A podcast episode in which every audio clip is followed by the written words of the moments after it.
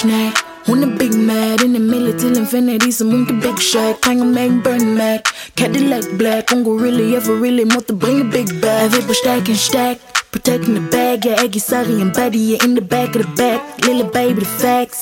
Show me for slaps, han på baggen med cash. Måtte jeg med det stash. Ægger, ægger, ægger, ægger, kun et motto. Raske penger, som nok i lotto. Alt jeg vil og rulle, vi kan rulle, rulle slow-mo. Og vi kan kjøre til du føler for å holde. Og nå sender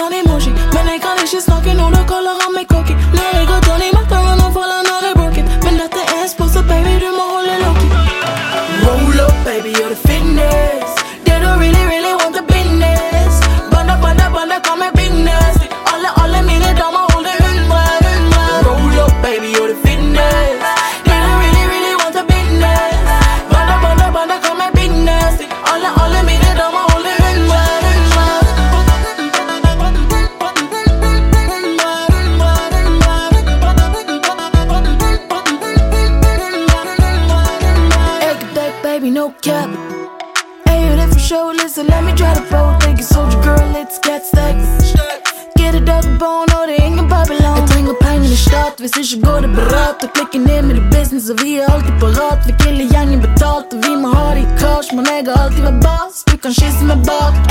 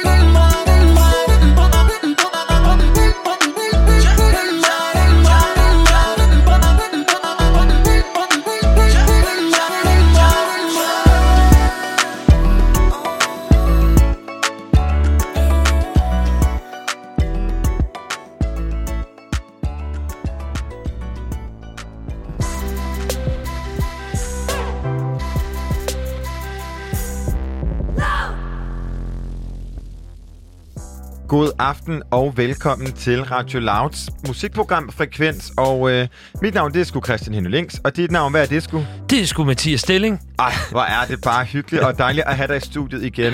De normale værter, Becca og Benjamin, er på sommerferie, så det er mig og Mathias, som passer dig. Det er gode i, ferie, øh, i bare dag, er jeg i hvert fald endnu en gang. Det er så- sådan en dejlig øh, firlænget bundegårdsferie, hvis man kan Ja. sige det på den måde. Det er fire dage mandag til torsdag i Ja. den her uge, hvor jeg får lov til at være i audiens hos dig, Christian Henry Links, og sing fornøjelse. Jamen, du er, det er så dejligt at have dig her. Og i går så øh, var vi to jo begge to lidt på dybt vand. Og det var vi jo fordi, at øh, vi interviewede den dritcool norske kunstner Myra, som vi også startede med hendes nummer 100. Og øh, det var som om, det ikke rigtig gik på vores norske, ikke? Ej, man kan sige, det startede ud med, at vi lige prøvede, og så snart, at, øh, at der blev sagt, ja, vi er på udebane, og de sagde, ja, der, øh, vi er på bortebane, og så tænkte vi, okay, det er bare øh, lige de der små ord, der gør, at vi bliver nødt til at hoppe over engelsk. Men vi tager revanche i dag. Det gør vi nemlig. Og øh, Myras fulde navn er Myra Regina Tucker, og hun er bare på få år fået etableret sig som et ret stærkt navn på den norske rapscene. Og det hele startede noget så mærkeligt som i en Uber. Og øh, det kan du simpelthen høre i din podcast-app, hvor du hører udka- udsendelsen fra i går. Men det, vi skal jo starte, eller vi skal fortsætte med noget nyt musik. Og øh, det starter vi jo ligesom hver eneste udsendelse med her på Frekvens. Og øh, fordi at du er ny her i skolegården, så fik du lov til at starte de to første dage. Nu er det mig. Ja, du, du, nu skal du vise, hvordan at hatten den skal sidde. Præcis. Og øh, vi skal høre en zimbabwiansk født australsk sanger og sangerinde, som øh, sanger og sangskriver, som hedder Tekei Maitza. Og øh, hun har simpelthen lavet en sang med en øh, LA, øh, hvad hedder det, øh, sådan baseret kunstner, der hedder Carrie Foe. Og øh, de her to sammen er øh, formår at skabe sådan noget, en, et nummer, som på en gang er noget, man sådan både kan hygge sig lidt til i haven. Gid, jeg havde en have. Men også virkelig kan bare ryste røv til på floor. Og øh, kender du nogle af de to kunstnere, Mathias? Nej, Altså, et K. så siger mig faktisk ingenting. Og øh, Carrie Fo, det er som om, jeg tror måske bare, det er fordi, at der står faux, og det betyder falsk på, på fransk. At det er derfor, at jeg tænker, okay, det kender jeg måske. Men udenbart, den der konstellation siger mig øh, intet endnu. Og jeg glæder mig til at lytte til det alligevel. Ja, og øh, Carrie Foe har blandt andet lavet en, øh, en del numre til den serie, som hedder Insecure, hvor blandt andet No Small Talk er ret, sådan, øh, ret fint ligesom beskriver den her essens af Carrie Foe som kunstner. Men øh, her kommer altså et nummer, der, lave, der er til alle os, der elsker elektronisk musik med attitude. I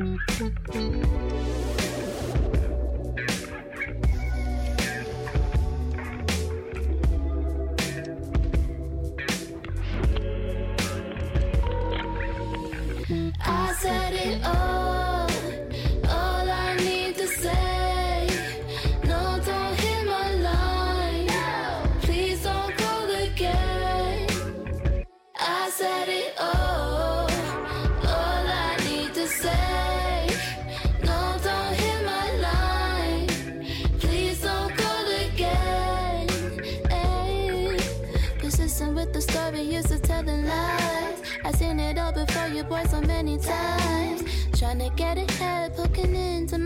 but you're messy with the blend. See the smoke and the mirrors, distant with the truth, trying to get control. Instead, you're causing damage you don't even know. You just carry on carelessly, not alarm, tripping over, holding back. Ooh, I fell. Ain't no switching up now. Ain't no change heart now. There is no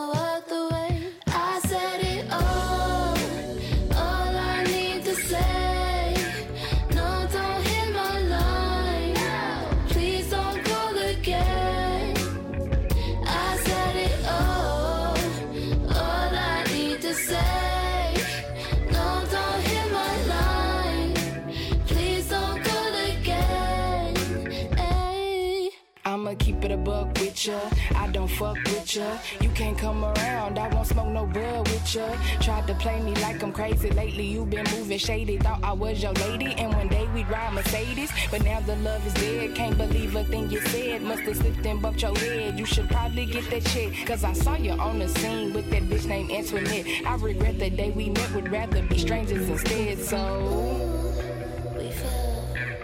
Ain't no turning back now. Once I am through with. You, know that you can't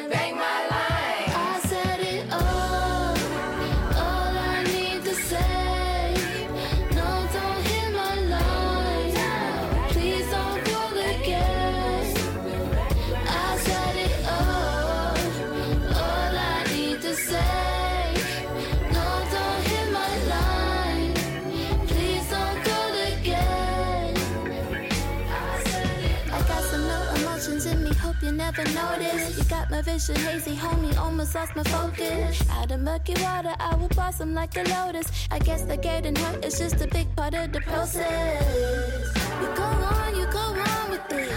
Round and round like a Ferris wheel over it. Inspiration got you where you at, fate to black. There's no way to retract, get you back up the track.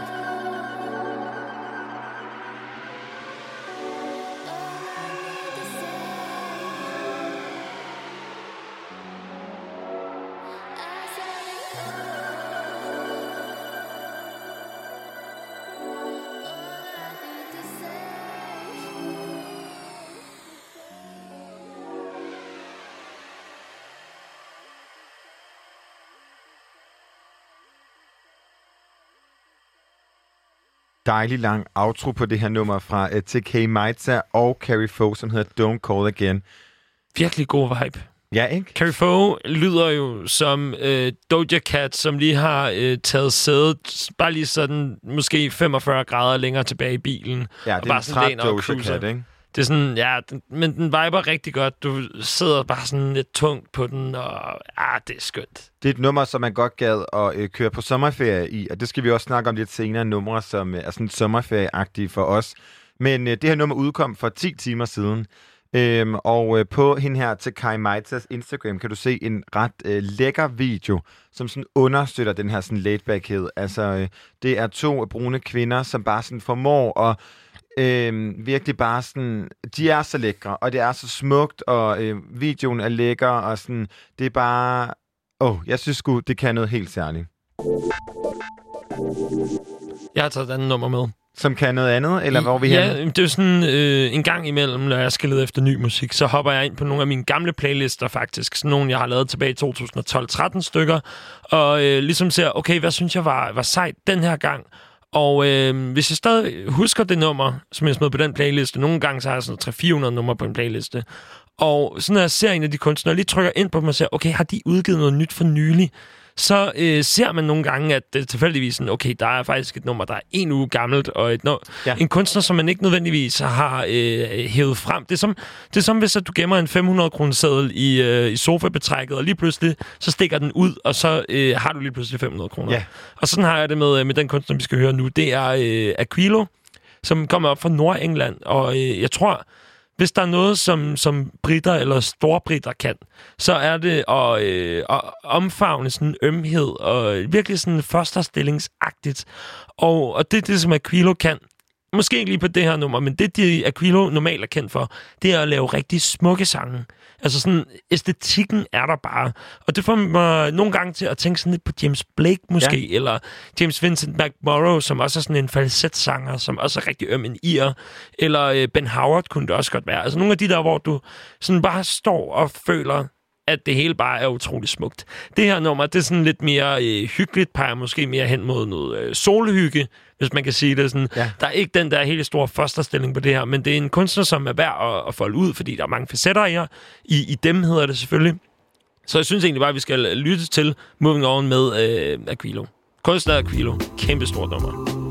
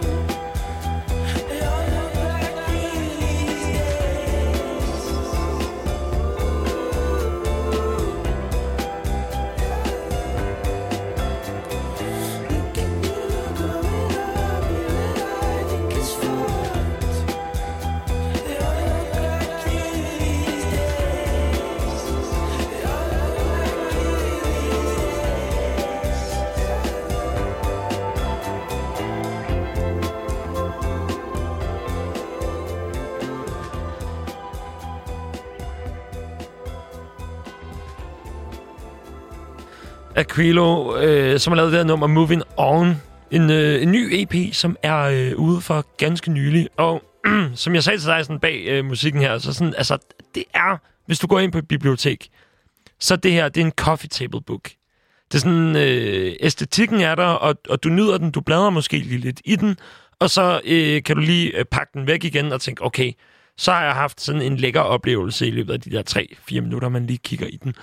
Der er rigtig mange numre, som Aquilo har lavet, som er, øh, er meget mere sådan, altså ikke ikke hjertesmerte, men, eller fosterstillingsagtige, men hvis at du kan lave træstavelsesrim på hjertesmerte, så har du sådan det der øh, extended lag af sådan dybfølt, øh, ægte sorg og følsomhed. Så hvis man ikke har lyttet til Aquilo før, så skal man helt klart tjekke op for dem. Jamen, og ligesom en øh, uh, coffee table book, så ved man ligesom altid, at den er der, man kan gå tilbage til den. Det er jo sådan et nummer, man jeg allerede har lyst til at høre igen, men som jeg også godt kan se mig selv høre i morgen, når jeg står op, eller altså sådan det der med sådan, det, jeg, jeg elsker de der numre, som på en eller anden måde sådan er versatile, altså som kan lidt det hele, ikke? Altså, mm. fordi det vil også fungere skide godt til en morgenfest. Altså sådan... Ja, fordi den har den der sådan lidt uh, laid back. Altså, Ja. vi behøver ikke at have armene i vejret hele tiden, men bare sådan slinger lidt rundt, og så lige have sådan et uh, glas hvidvin, eller hvad man nu har lyst til i hånden, og bare sådan føle sig selv. Ja. Det tror jeg bestemt også, den kan. Og øh, hvis du sidder derude og har et nummer, du gerne vil have spillet, så er det simpelthen bare at skrive til os på det telefonnummer, som hedder 92 45 99 45, og det var 92 45 99 45. Og hvis du ikke sms'er, så kan du også gøre det på Instagram på radio.loud.dk. Så spiller vi det nummer, du har ønsket klokken 20.10. Og øh, Mathias, nu skal vi over til noget, som hverken er særlig roligt, eller måske og også for nogen ikke særlig behageligt. Nemlig Kanye West. Og jeg har jo skrevet Kanye West the fuck, ikke? Fordi Ja. what the fuck. Den mand, øh, jeg har respekteret meget af hans tidligere musik, øh, kan ikke rigtig sådan arbejde med ham som menneske Nej, mere. det er nemlig det, fordi at, øh, hvis at du bare isoleret set ser alle pladerne, så er det jo øh, mesterværker, mange Ja. af dem. Og øh, det har jeg jo tidligere været ude og sige, det synes jeg ikke, man synes ikke, man kan skille kunstneren fra øh, personen, og det synes jeg heller ikke. Men, øh, så, og Kanye er også på vej til ligesom at ryge over i min sådan cancelled box. Men det skal ikke handle om mig og min cancel box. Det skal handle om, at i sidste uge så snakkede Benjamin Clemens, som er vært her på Frekvens, og jeg om Kanye West og hans præsidentdrømme. Men nu leder det simpelthen til, at øh, Kanye West kampagne til det amerikanske præsidentvalg er sluttet, før den overhovedet begyndte. Ja, fordi for en uges tid siden, så øh, havde han et interview med Forbes, hvor at han sagde, at altså, nu er han sgu klar til at blive præsident, og han smed også op på Twitter. Og øh, altså, det var sådan lidt ramaskrig, sådan, hvad i alverden sker der? Og han var så gode venner med Donald Trump. Så hvorfor skulle den lige pludselig øh, splittes på den måde? Ikke nødvendigvis, at man kunne spå Kanye West de største chancer, men altså alligevel, at, øh, at, at som kunstner og smide sig selv op på, øh, på det lærred, eller den etikette, der hedder, jeg skal være præsident. Det er alligevel øh, nogle store spadestik. Ja, ja, og han var heldigvis, kan man sige, ude at sige det her med, at han tog den røde kasket af, den her meget ikoniske øh, Trump Make America Great Again kasket. Men øh, i det her interview, der fik han blandt andet også sagt, at han aldrig har stemt. Han havde coronavirus i februar. Han dømmer vacciner som et øh, fænomen, der er sådan djævelens værk. Og så mener han, at øh, Planned Parenthood-klinikker er blevet placeret i amerikanske storbyer af white supremacists for at gøre djævelens arbejde. Altså man kan jo sige, at han er jo kendt for kontroverser. Men hold da op, vi fik meget på én gang. Det, ikke? er- det er nogle meget sådan ærke-republikanske statements. Ja, og det er jo også det, man skal huske, at hvor man måske øh, har tænkt, at Kanye var ens ven, så er en stemme, hvis det stadigvæk bliver aktuelt, han stiller op, øh, en stemme på Trump, og øh, i hvert fald også på hans bagland, ikke? Jamen, så er der det der med, at Kanye West han aldrig stemmer. Ja, det er også sådan lidt, ikke? Nu vil han bare stemmes på. Ja, så Altså, det, du må deltage i lejen, hvis du vil lege med, ikke? Og øh, han skulle, men nu skulle han simpelthen have trukket sig fra valget, da han simpelthen missede vigtige deadlines for at stille op som løsgænger i delstaterne Florida og Nevada. det er også sådan lidt kikset, ikke? At, øh, at hvis du gerne vil Og noget, og, og du vil noget så meget, og så kommer du bare for sent til timen, altså det Ja, og man bliver sådan lidt, er det, er det bevidst? Altså, fordi man kan jo sige, at han har fået publicity de, de sidste mange uger øh, på de her udtalelser, og han har jo tidligere, øh, jeg tror, mener det var sidste år, han også udtalte, at han ville stille op som præsident i 2020. Men Ja, det har da været en plan længe, det tror har han jeg. gjort mange gange. Og nu gjorde han så reelt noget ved det, men, mm, men altså, øh, grunden til, at vi ved, at den her, øh, hans kampagne som præsident måske ikke bliver til noget, eller måske bliver til noget, er The Intelligence, en amerikansk avis, som skriver, at rapperen allerede havde hyret øh, en strateg, Steve Kramer, til at organisere, organisere sin kampagne. Men øh, Kramer har simpelthen bekræftet over for The Intelligence, at arbejdet var begyndt, men kort tid efter, så modtager han en sms, øh, modtager det her medie en sms fra Kramer, at øh, Kanye simpelthen har trukket sig. Han er ude. Og øh, Kanye West, meget Kanye West-agtig, har ikke meldt noget ud endnu. Det kommer måske en gang om tre måneder på Twitter. Ja, og ellers så er det bare sådan noget med, at han finder en anden vej. Altså, ved du hvad, den mand, han, skal, han har været venner med Trump. Jeg går ud fra, at han har nogle rimelig vilde... Øh, og også forbindelser, man ikke har lyst til at vide, han har, ikke? Ja, jamen, altså, det er jo øh, alt andet lige, uanset om man, øh, man tager, tager kunstneren væk fra, fra øh, mennesket, så er det jo øh, en person, som har stor magt, som også havde indflydelse på øh, altså A$AP Rockys øh, hvad hedder det, fængsling i Sverige, og hvordan er han kom ud af den. Og, så på den måde, så er der jo en, øh, en ret stor magt i Kanye West, og altså, Kardashian-familien er jo også bare nogle enormt store moguler på, øh, på sociale medier, og på den måde, så tror jeg, at de har fat i, altså, i vores generation, og som virkelig sådan kan, kan fortælle noget helt andet, end øh, en mand på 78 år har kunnet. Uden tvivl, og øh, man kan sige, det er jo også Joe Biden, som jo er øh, modstanderen til øh, Kanye, eller ikke til Kanye, jo også til Kanye, Også men til primært Kanye. til Trump, øh, er jo også oppe i alderen, så man kan sige, det er måske det eneste, man kan øh, håbe på med, med Kanye, det her med at få en lidt yngre stemme. Men meget Kanye West-agtigt, så hvis man går ind på hans Twitter og kigger, hvad har han ligesom tweetet inden for de sidste øh, 24 timer, så er det en stol, han er helt vild med. Åh, oh, den der øh, sådan- japanske stol, Ja, eller? Sanar, øh, at the Sanar Architecture Office two years ago. Så han er altså ikke selv meget inde i, i den her snak. Og øh, man forstår måske godt, fordi i går viste de første meningsmålere, at øh, Kanye West ind, havde skulle lidt langt til det her ovale kontor. Kun 2% stod til at stemme på rapperen, imens at øh, Trump og Biden stod til henholdsvis 39 og 48%. Det er jo også vildt, hvis, at, øh, altså, hvis du skal erklære, at du stiller op til et præsidentvalg, udelukkende for, at det skal være et stunt for en øh, sølvstol, som man har siddet i for to år siden. Ja, jeg, ved- jamen man er også sådan, hvad, hvad handler det her om? Men det kunne garanteret godt have paralleller det hele. Men altså Mathias, hvad, hvad tænker du? Hvad, hvad tror du? Hvor- Melder Kanye selv noget ud? Er han for stolt? Lader han som om det aldrig er sket? Har det hele været et? Jeg har, dine pure tanker? jeg har ærligt talt altså ingen idé om, hvad det er, der foregår op i Kanyes hoved, fordi det er jo sådan, altså øh, det ene sekund så er han i øst, det andet sekund så er han i west. Så øh, giver han, altså, øh, så fortæller han, at han udgiver en plade, og så bliver den udskudt, og så kommer den ikke rigtig ud før lang tid efter. Så stiller han op til et præsidentvalg, så er han venner med Donald Trump, hvor man ellers skulle have troet, at han ikke var republikaner, men det er han jo så alligevel, og øh, så sætter han alligevel en fod ned der. Så det er sådan, man ved ikke rigtigt, hvor man har Kanye West. Og i forhold til det med at være præsident, altså, hvem ved, det kan være om, øh, om 12 år, når der skal være præsidentvalg igen, så kunne det være, at, at det var sådan en mere, øh, hvad skal man kalde det, en seriøs Kanye West, fordi at der alligevel været nogle øh, år med noget mere ballast, måske endda noget politisk træning. Kim Kardashian, som jo også øh, læser... jura. Ja, præcis. Så på den måde vil hun jo være faktisk en, altså en respekteret første dame, fordi at hun netop også vil have, have styr på netop jura. Og, øh, og det ser man jo faktisk som måske en, en force, at det kunne være sådan en rigtig power couple. Men så er det jo igen bare, øh, kan man regne med Kanye West? På den anden side kan man regne med Donald Trump. Det er måske en, øh, en mulig kandidat, men altså i år, jeg tvivler på, at, at det bliver større, end at han bare lige siger, nu har jeg meldt, at jeg gerne vil være præsident. Og så tror jeg virkelig ikke, der kommer til at ske mere. Men en ting er i hvert fald sikkert, det er, at øh, Kanye West øh, har en idé om, at han kan alt, og øh, det synger han også på det øh, nummer, som vi skal høre nu, nemlig I Am God.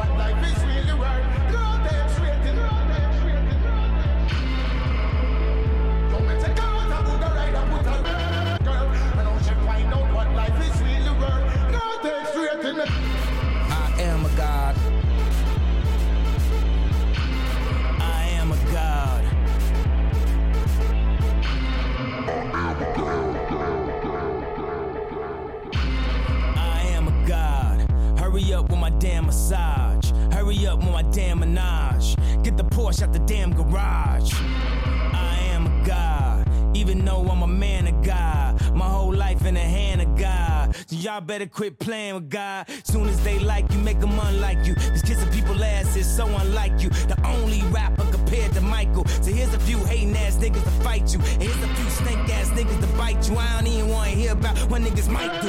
Old niggas mentally still in high school. Sit the tight jeans, they ain't never like you. Pink ass polos with a fucking backpack. But everybody know you brought real rap back. Nobody has swag, man. We the rap pack. Virgil, Pyrex, Dossie, Snapback. I've been diamond, shot town shining. Monop in this bitch again, change the climate. Hop in this bitch again, same thing, me. Until the day I get struck by lightning.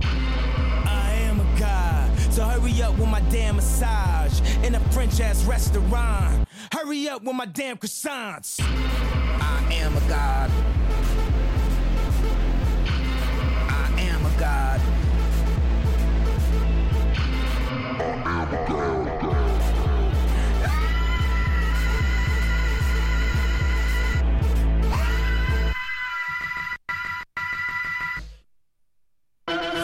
just talked to Jesus. He said, What up, Jesus? I said, Shit, I'm chillin', trying to stack these millions. I know he the most high, but I am a close high. Mi casa su casa, that's our Costa Nostra. I am a god. I am a god. Her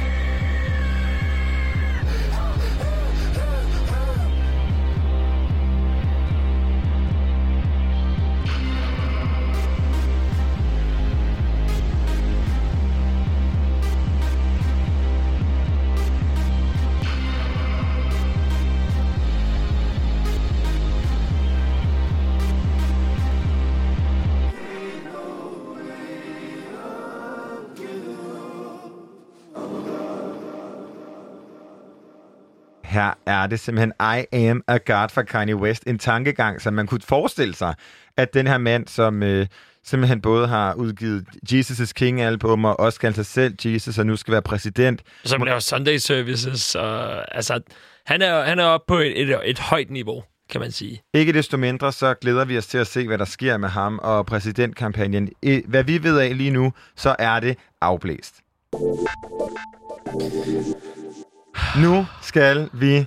Du skal ikke stå og grine jeg, jeg, allerede. jeg, jeg griner ikke, og jeg sukker heller ikke. Vi skal tilbage til Norden, og igen en tur til Norge, hvor vi i går besøgte Myra. Og øh, hvis man lyttede med der, så kunne man høre, at det måske ikke var super godt, vores to danske og Myras norske. Vi prøver igen i dag, og det gør vi med øh, god gedin pop, og kunstneren, vi skal tale med, hun hedder Hedda May. Hun kommer fra Bergen, er 21 år gammel, og debuterede i februar 2020 med singlen Pride Goes Before a Fall, og har siden, ud, siden udgivet to singler, senest What Do You Want From Me. Og øh, nu kan vi byde velkommen til Hedda May. Goddag. Hei, hei. Okay, hvor meget forstod du af det, vi sagde? Jeg, forstår sånn cirka litt over halvparten. Dette er dritgøy. Eh, Det er lenge siden jeg snakka med noen på dansk. Oh, Okay, så du godt. forstod lidt over halvdelen. Det er godt. ja. Og det er lang tid siden, du har, du har talt med nogen på dansk. Hva sa du? At Det er, det er lang tid siden, du har talt med nogen på dansk, men vi Ja. prøver så godt vi kan. Og ellers, prøv at høre, der er ikke nogen skam i, om at- en af os siger, vi forstår det ikke, lad os gøre det på engelsk, men vi prøver lige på dansk og norsk, ikke? ja, vi prøver. Så Okay. har vi kridtet banen. Nu har vi kridtet banen op, og vi kan jo byde velkommen til dig, og det er så dejligt, at du vil være med. Tillykke med din nye single. Det det. Hvordan er den blevet taget imod?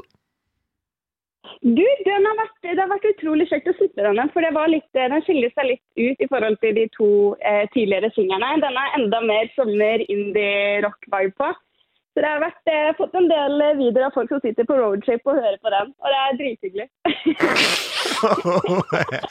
Åh, hvorfor er du så dårlig til norsk? Det er forfærdeligt. Vi, vi har en så sej kunstner med, og vi, vi står begge to helt røde i hovedet herinde, fordi vi vil bare gerne være rigtig cool over for dig, Hedda med, og sige, ja, selvfølgelig, fordi vi elsker din musik. Men du synger jo heldigvis på engelsk, så hvad siger du til, at vi gør det på engelsk fra nu af? Ja, la oss gjøre det. At least we tried. At least we tried. it. Okay, but At least we try. yeah, but you but you answered our question regarding your newest single and how it's been taken, and you said something regarding the two before that. Can you please do it in English again? I'm sorry. yeah, of course. Um, I think it was a really fun thing to do. Uh, it was pretty well received, and uh, it's kind of like this indie pop rock summer vibe song. So I've received a lot of messages from people like driving their car in their summer, listening to my song, which is like really fun. so um, yeah, it's been great. And it's your third single in 2020, uh, which probably hasn't been the most ideal year to debut as a new singer. How has it been for you? Well, um, it's not like it hasn't been the year I thought it would be. Uh, I have to be honest about that. We had a lot of live shows planned, and uh, yeah, there was a lot uh, of stuff that was supposed to happen this year, which might won't happen until like next year. Um, but still, I feel like it's uh, great releasing my music because I waited for so long to like show the world what we have been working with. So even though it's not like how I thought it would be, it still has been a really great year and interesting. What did you look most forward to to doing this year? Well, I think that would be playing abroad. Uh, we had some shows planned uh, outside Norway, um, which was some of the things I've been looking most forward to. But I, I hope that will happen like anytime soon because things are opening up. So I'm just waiting for that to happen. Uh, you said that you've been waiting for this year for a long time. How long have you been preparing for debuting? Well, I've been doing several music projects, but like this, like Hedda May project, I have been working with for I think maybe two years or so. Um, so we have been writing songs for a long while now. So we have uh, a lot of songs stacked up. So I'm really ready to release more of them. But and now you mentioned other projects. Can you tell us some about, something about the previous ones? Well, they have had a lot of other inspirations. I had another project which was which was more like electronic pop, Mm-hmm. more synth pop. So I think I found more myself with this project, with more like this retro sound and all the bass lines and all like. There was not that much fun in the other project in you- sound. I, I really love the retro aesthetic about May. Um, but who who do you who do you dream of becoming with this character? I don't know. I know it's not a character, but with this artist project, and what would you like to be described as? Well, I would think maybe a shameless uh, pop singer from Norway who tries to make people happy with uh, my music. I love it. Uh, and for the listeners who haven't heard your new song, we're gonna play it now. We're gonna continue to talk to you on the other side. Hang on. Great.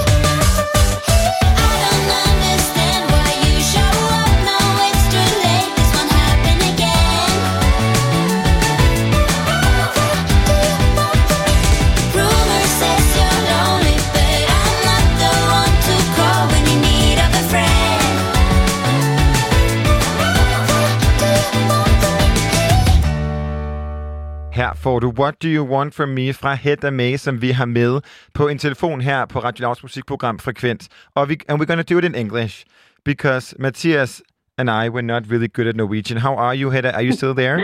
I'm great. How are you? That's good. Thank you. We are perfect. How um what do we mean on this number? Who is who what is it that you want to say with this number? Well, this song, um, what, were you talking about what, what I mean with this song, what it's about? Yes. Yes, okay. Um, well, I don't want to say too much because mostly I write about from my personal events, so Hmm, I mean, I can't reveal my love stories here, but mostly it's about um, a summer fling, um, and uh, it's about the frustration that um, you feel when something just suddenly pops back into your life, like suddenly, or something that you thought that you were done with. It's like an experience we've all been through. I can only imagine. So it's nice that you can put some words on it, and especially in the song, which has like a like a happy theme. Yeah, it has. It it's kind of like chewing gums, like super sweet, but also it bites. Like it has this part where you go down in like a darker mode and then you come back. How has the process been behind this number, and who have you created it with? Well, I wrote this song with a producer named Benjamin Gertz, uh, which is also the producer I wrote all my Hedda May songs with. Um, and mostly it was just we were just joking around, and he played like this bass line, and I was like, yeah, yeah, we should we should do that definitely. So that just basically became um, the bridge, and that's um, that's mostly how we write all of our songs, which is only us fooling around in the studio, and then we do something fun, and then we write out from that. When you're writing such a personal song, as you're telling us that you don't want to go into details, I mean, Yeah. how important is it for you to to you know express your feelings through music? Well, for me, it's really important to write about stuff that means something for me because then it feels real, and then I think it could be like feel relatable for other people listening to my music as well. Um, so I just, yeah, for me, it's important that people can relate to the stuff I write with, and that I can relate to it myself.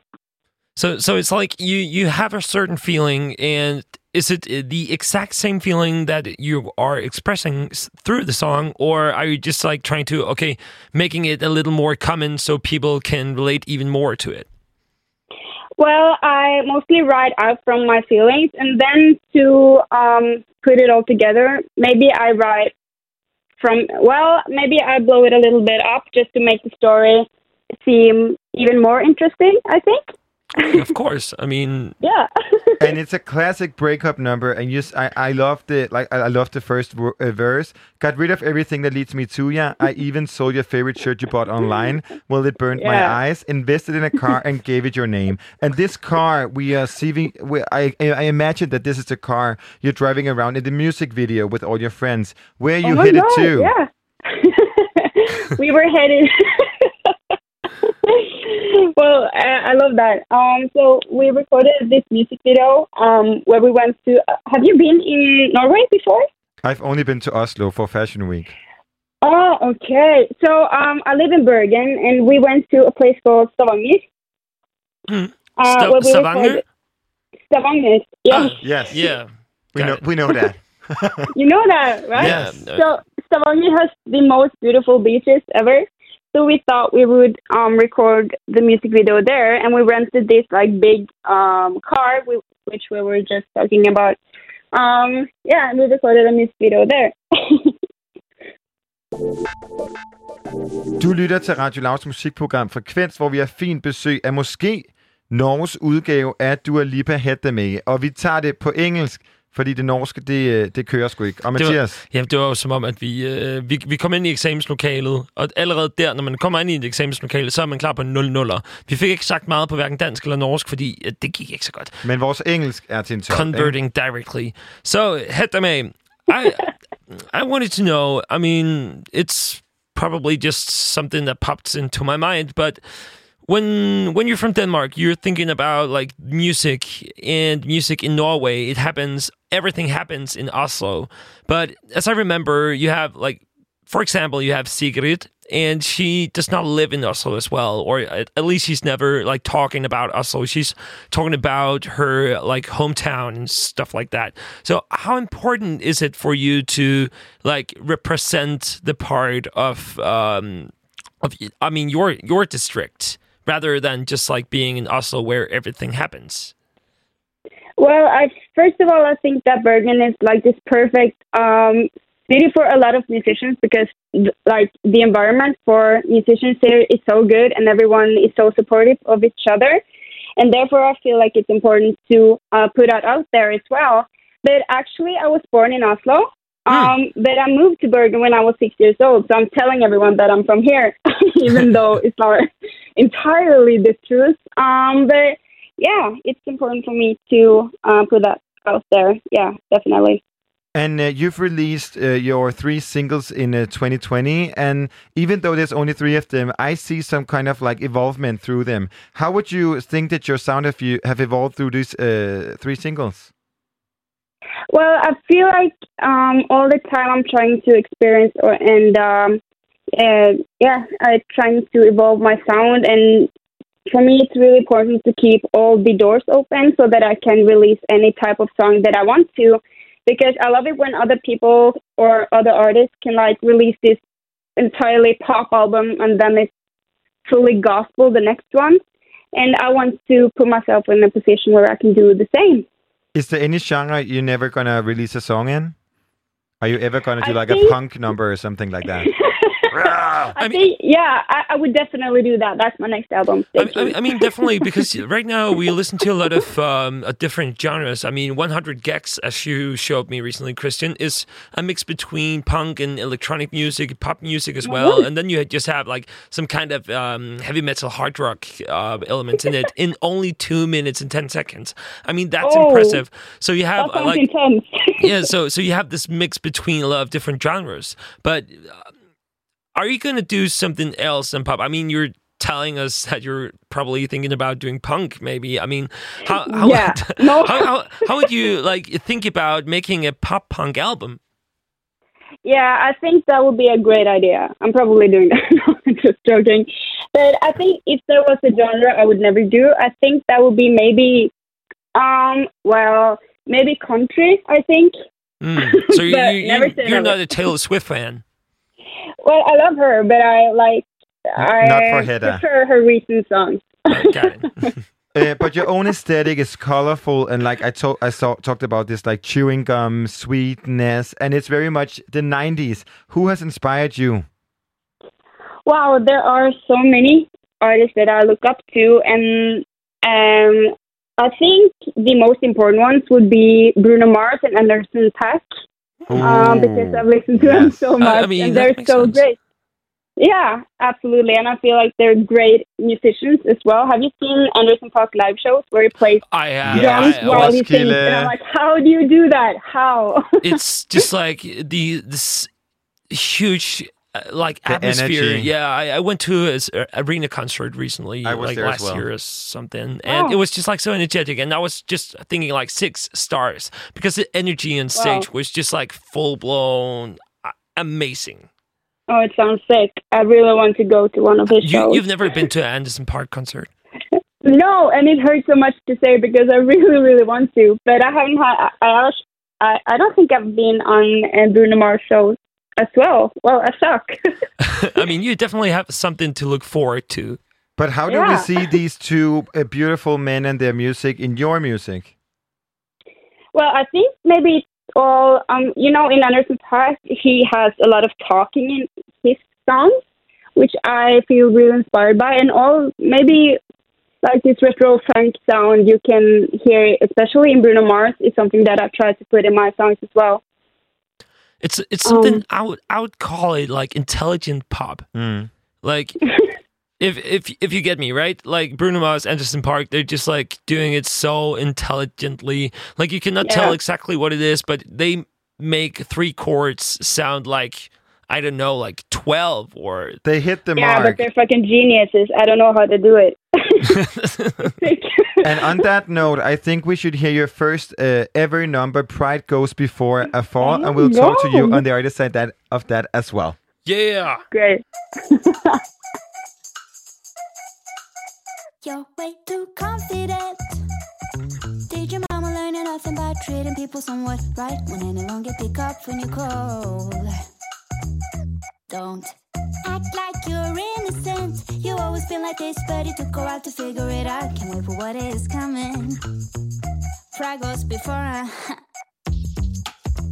there's only one thing on your mind, faith. And you refuse to fall behind. So you'll step on anyone that gets in your way. No doubt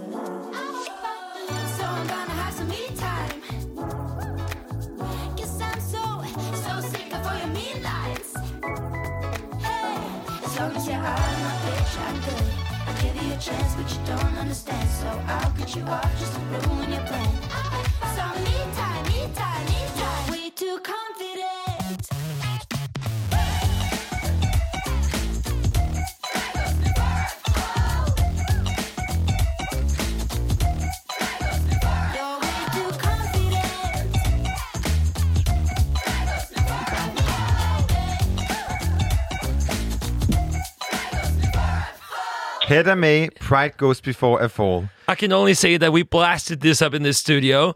And I, I don't know if you look, you should probably just look at my story. I attacked you and we were dancing and sweating. And I have this to. is a this is a I have major to number. I really I really see and what's really nice about us talking about your inspiration is that I really I see that. the Bruno Mars reference in this in the best way. Um, Yay. because it really have like the same effect he has on people. And this was your debut number, so please tell us why you choose this one to debut with uh, as Hedda May. Yeah. Um, well, first of all, I was a little back and front with it because I, it's kind of um, not this typical first single you would release um, because it's not. Uh, this is mainly a pop project, but this is more left, like especially this song. But I figured maybe that is exactly why I should release it first, just to make um, this statement. I think. And you are singing in English. Your lyrics are, are in English. How come that you're doing that? Yeah, well, I question myself that sometimes because, as you might hear, I'm not the best in English. I don't know how to speak it. I, I mean, you're doing great, and if you were great. singing Norwegian, Yeah. we would not understand as much as we're doing right now. So we're just glad that you're singing Oh, English as well. Thank you. But but have you ever Uh, considered because Norwegian is really like a beautiful singing language? Have you considered doing a song or doing maybe more than one song in, in Norwegian as well? Well, to be honest, I've never really because first of all, my Norwegian dialect is really fucked up. I don't know how to speak Norwegian either, which puts me in a kind of hard, difficult position. Um, but and also, I feel like everything becomes, for me, too personal. I think in Norwegian, and I wouldn't know exactly how to express myself because I feel like when you do it in English, you're like uh, had had the chance to uh, Distance yourself. So Yeah. so it's not because you want to like get a more international audience, or it, that is also something you considered. Well, that is something to think about as well. I mean, that makes sense. Definitely. So when you come to Denmark so very soon, hopefully, I am fingers crossed that you're coming so very soon because Christian and I, we're going to stand on the front row, dancing, singing, loving your music because it's so Oh energetic. That's a good Oh, praise. I would love to. and on that note, time's up. wow. Unfortunately, but, But but if, if we're gonna try to recreate for just like ten seconds uh, how it how it will be to be to uh, see you live, what can we experience from that? What could we um, not experience? What can we look forward Expect- to? Look forward to yeah. Wow. In, okay. Um, it will be um energetic. It will be fun. It will be a happy time. it will be, yeah. It would be a blast. I can definitely imagine that uh, due to those songs. Hedda May, thank you so much We're for so your excited. energy and Thank your you so music. much for having me. and looking forward to see you in the near future. Thank you so so much for having me. Bye. Bye. Nu er klokken blevet syv, Det og det er betyder, at der er nyheder. Woo!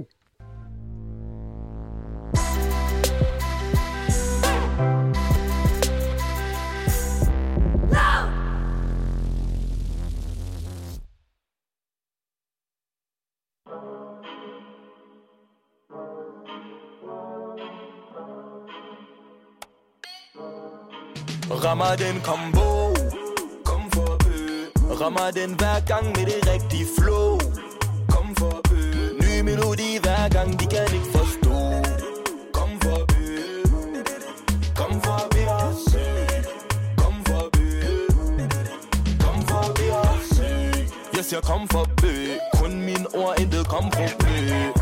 Lever min fantasi. Fremtiden lyser, så venter sø. Fra sommer til det vinter. Har gjort dem varme, og det er derfor de venter. Shut down, da jeg gav det bestemte Lund sej, du kan kalde os legender. Så bare vent, bare vent, bare vent Til vi rammer den igen. Så bare vent, bare vent, bare vent Rammer den combo. Kom for ø Rammer den hver gang med det rigtige flow. Kom for ø Ny melodi hver gang, de kan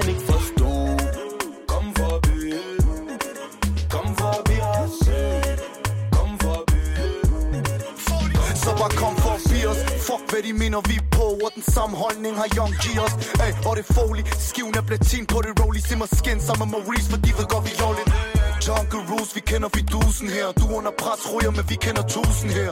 Ay, Holder det loyal, ikke brug for mere. Hvis der var noget, så tag en tur forbi kvarter. Ay, Så bare vent, bare vent, bare vent, bare vent Min bror, hvis du holder den, går det nok. Ay, Og det går bang, går bang, går bang, går bang, går bang. For den gad Rammer den combo. Kom for ø Rammer den hver gang med det rigtige flow. Kom for at ø Ny melodi hver gang, de kan ikke forstå. Kom for at ø Kom for forbi os Kom for at forbi Kom for at forbi os Fight the baby Jeg vil give dig den vibe, du kan lide Og det er derfor, du på, nu det shop det money. Og du ved der er ikke en dag, hvor du ikke ser mig med Dre og Isaiah Så bare vent og se. Og se, yeah, yeah Come and play with me. Come and play Kom ø Rammer den hver gang med det rigtige flow. Kom for ø Ny melodi hver gang, de kan ikke forstå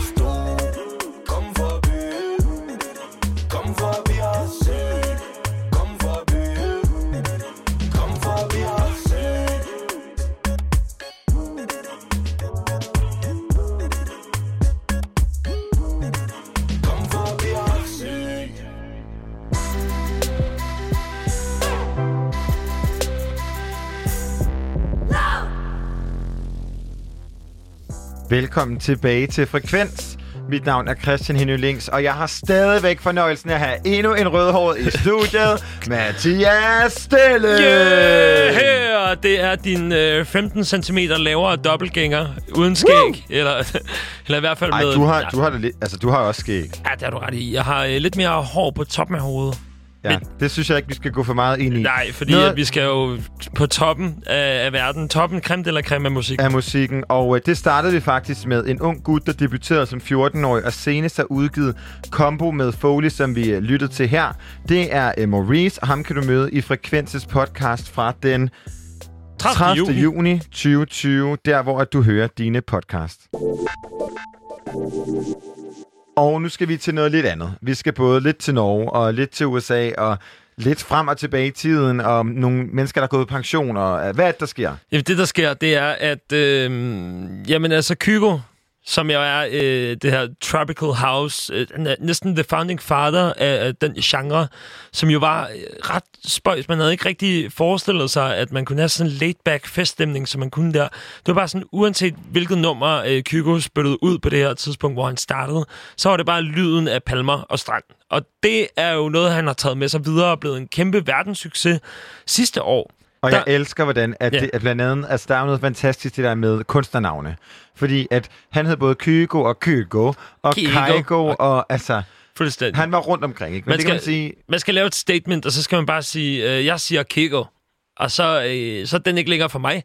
Så Nej. kan du tolke på det på en det synes jeg er et godt udgangspunkt. Men vi får måske faktisk snart øh, mulighed for at høre, hvordan det lyder, når Kygo han møder Tina Turner.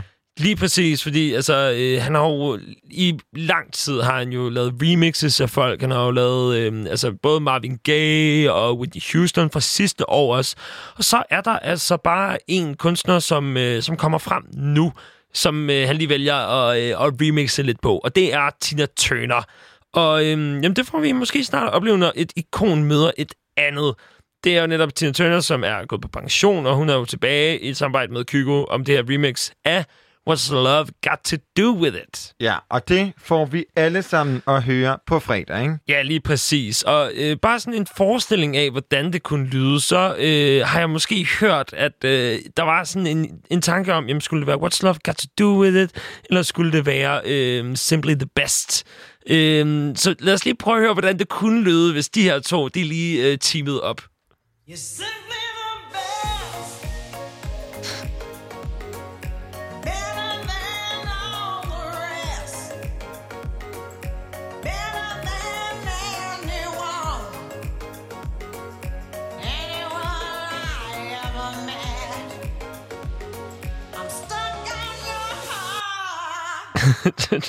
altså, det er sådan, som det kunne lyde, men... Hvis Tina Turner stod i et brusebad og sang, Ja. og Kygo kørte på hendes iPhone. Men inderst inde, så, så er det jo bare det tætteste, jeg nogensinde er kommet på at, øh, at lave et remix af noget stort.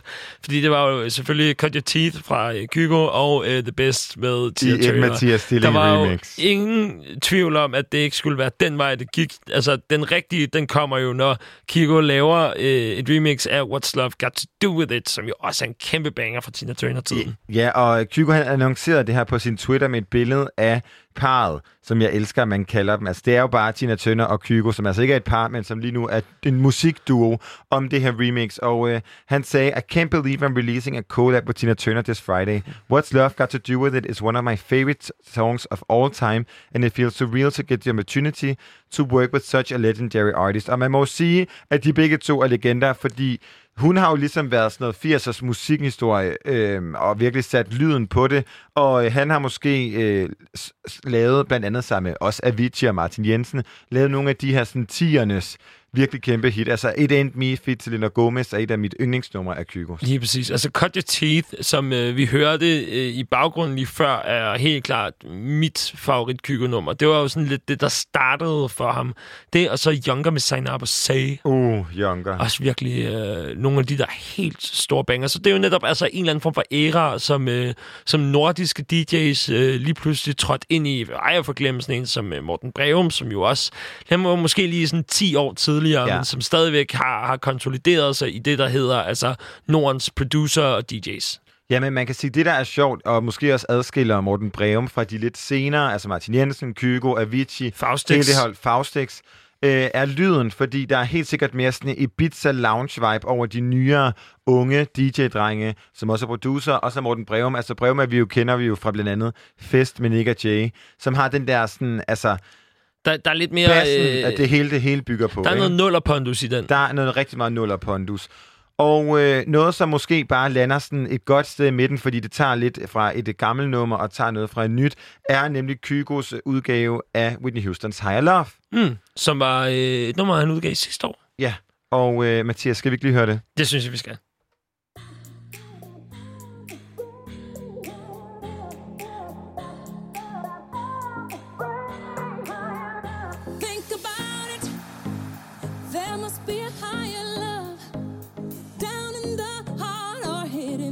The stars above. Without it, life is a wasted time. Look inside your heart and I look inside mine. Things look so bad everywhere. In this whole world, what is fair? We walk the line and try to see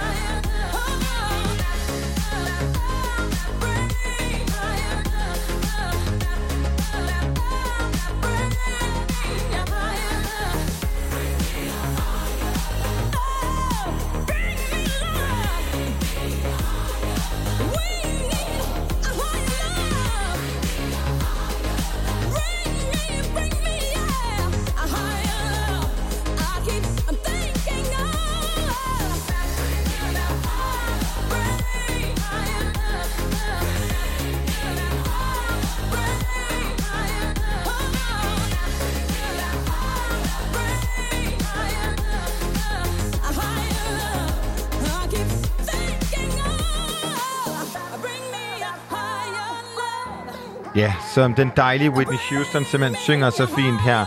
Higher Love i et remix af Kygo, og uh, Whitney Houston døde jo desværre i øh, uh, 2012, så æret være den her skønne kvindes minde. Og øh, Kygo han fortsætter med at remixe gode, gamle klassikere, og på fredag kan vi simpelthen høre, hvordan et samarbejde mellem Kygo og Tina Turner kommer til at lyde.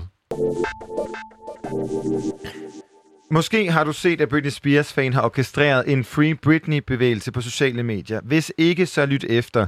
Fordi det har nemlig resulteret i, at mere end 134.000 mennesker har underskrevet en indsamling om en, en underskriftsindsamling om at befri Britney Spears fra hendes juridiske værve i et forsøg på at give popikonet sin frihed tilbage. Ja, fordi Britney Spears, hun har været under et øh, såkaldt conservatorship siden 2008, efter at have haft en del mentale sammenbrud. Sådan en conservatorship, det er et, øh, et juridisk tiltag, som mange mener, at man bruger til at øh, manipulere og kontrollere Britney Spears, som altså er 38 år, er mor til to og er øh, god for mindst 59 millioner dollars, ifølge de her retslige dokumenter, som er øh, blevet indgivet i 2018. Ja, det er netop, hvad et conservatorship bliver brugt til, og helt sådan praktisk, så er det simpelthen et lovligt værgemål, hvor repræsentanter kan udnævnes, når en domstol er enig i, at en person ikke kan træffe sine egne beslutninger.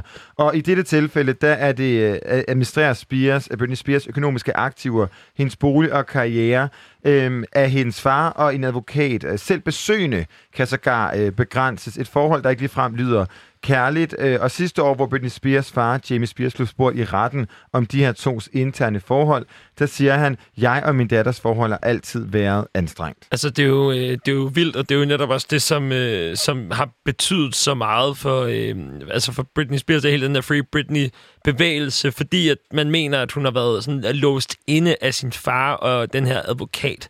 Og øh, tidligere år, så blev øh, altså det her conservatorship, det blev forlænget indtil altså tidligst den 22. august. Og øh, da den her dato, den, øh, den kom for lidt over en måned siden, så øh, er, er fans over hele verden begyndt at gå ind på, øh, på Instagram blandt andet under hashtagget Free Britney. Ja, og det har skabt en masse teorier om, øh, hvad Britney lige præcis bruger den her øh, platform til. Fordi hendes Instagram er et sted, hvor Britney måske har mere eller mindre fri mulighed for at gøre, hvad hun vil. Her har hun nemlig under covid-19-karantænen givet os fans, som mener, øh, os fans indhold, som nogen mener indeholder hemmelige meddelelser, der beder om hjælp. Ja, og det er sådan noget med en, øh, en gul top, for ja. eksempel. Det er for eksempel en gul top, som har fået hendes fokus, som du siger. Øh, en bruger kommenterede nemlig den forhenværende video, at hvis hun ikke havde det godt, så skulle hun have en gul top på i næste opslag. Hvad gjorde Britney? Hun tog selvfølgelig den der gule øh, top på, og har skrevet ud over det sådan, my favorite yellow top. Og det er jo sådan der, hvor alarmklokkerne virkelig begynder at ringe, hvis man er fan, og hvis man tænker, okay, øh, hun har haft et turbulent liv, især de sidste 15 år. Der må være et eller andet øh, lurent ved det her. Ja, og til at fortælle os lidt mere om Britney Spears karriere og øh, give et andet perspektiv på det, har vi nu fået Henrik Milling, musikekspert, med på en telefon. Og hej, jeg er her også. Hej Mathias. Fornøjelse. Og tak, fordi Milling du vil til være med. stilling, stilling til milling. Jamen, øh, Stilling til milling. Det er jo altid, det er jo altid dejligt at nørde musik. Det. Det er lige før, at det kunne blive sådan en rigtig god øh, gruppe på et krammermarked, eller noget af den stil. Det er sådan noget, vi taler om. Spille en, Ej, en god slager, eller noget af den Nu føler jeg mig altså lidt udenfor herover, for jeg hedder Henø Links, og det er som om, det ikke rigtig passer ind, vel? Åh, Men det kunne jo så være stilling, milling og links. Så kunne den køre, ikke? Ja, det er sådan kvadratisk praktisk god. Men prøv at høre, Henrik, du er jo musikekspert, og vil fortælle os lidt om Ja. Britney Spears vej ind i det liv, hun i dag lever. Ja. Hvordan startede Ja. det? Jamen, Britney Spears øh, i 90'erne slog jo igennem med en kraft, man sjældent har set. Altså, hun blev fra, øh, ja, på, på to singler faktisk, øh, hvor Hit Me Baby One More Time selvfølgelig er den, der var den toneangivende. Der blev hun jo faktisk det hele USA's It Girl. Det er ikke rigtig måske sådan noget, vi kender fra, det, fra Danmark, den her ting med, at sådan en pige sådan opsummerer hele den mandlige skråstreg kvindelige del i, øh, altså idé om, hvordan den perfekte øh, skal vi sige, teenage-stjerne nu engang skal se ud. Øh, Alle McGaw havde fornøjelsen af det i USA, hun er skuespiller, øh, tilbage i øh, ja, primært 70'erne, hvor hun også var sådan the it girl. Men det, den rolle, øh, den røg Britney i, øh, og øh, det er så spørgsmålet, om hun så også helt, altså hun havde bestemt talentet, hun er jo en gudsbenået popsangerinde, hun er gudsbenået performer osv. osv., osv. Men det er nok spørgsmålet, om hun egentlig havde psyken til at følge med i hele det her enorme ræs, øh, der var om hende. Ja, og Øhm, ja. hun startede jo som fireårig på Broadway og bliver en del af det her Mickey Mouse Club, og begynder så sin solokarriere Ja. bagefter, som du nævner. Altså, mm. hvordan tror du, at den, den fortid også har påvirket hendes musik øh, og, og, som debuterende musiker? Jamen, jeg tror, at altså, jeg ved jo, at hendes, øh, altså, hendes barnestjernekarriere, altså for det første var hun jo ikke oppe i de luftlag, som, som hendes popkarriere ligesom skaber for hende overhovedet. Og for det andet, jamen, så har det jo været meget styret af hendes øh, mors og far, specielt far, Jamie, øh, som har stået for at øh, holde øh, skruen i vandet for, for det her unge menneske. Øh, og jeg ved ikke, som barn, der er der også noget med, at man kan i højere grad sådan bare se, at, øh, se på det som, at ah, det er bare sjov, og det er bare øh, skægt at være med i, osv. osv. Det er jo først, når man bliver sådan lidt mere bevidst om, hvad det egentlig er, det handler om, og hvad, det, hvad der er i, i sådan en, en stjernestatus, øh, og hvad der følger med øh, af både behageligheder, men så sandelig også ubehageligheder, øh, at det begynder lidt at knække for hende, og det sker jo netop der i midt-90'erne, 96 og frem efter faktisk helt nøjagtigt, hvor hun så bliver til den her enorme øh, stjerne, et enormt popikon. Ja, fordi øh, jeg kan som jo er- huske blandt andet sådan som Hit Me Baby One More Time, og Toxic, ja. Toxic er jo bare sådan en, øh, en evergreen efterhånden, kan man man godt sige. kalde den. Og ja. altså helt frem der fra 96 og så til 2006 vil man jo faktisk pege ned og sige, der er et vendepunkt for Britney Spears. Fordi Ja, det må man sige. På ja, det det her må man sige, tidspunkt- fordi på de, ja, på de første plader lykkedes det jo faktisk for hende nærmest at, at køre øh, en øh, 4-5 kæmpe singler af, basically fra hvert album. Det begynder at knirke lidt til sidst.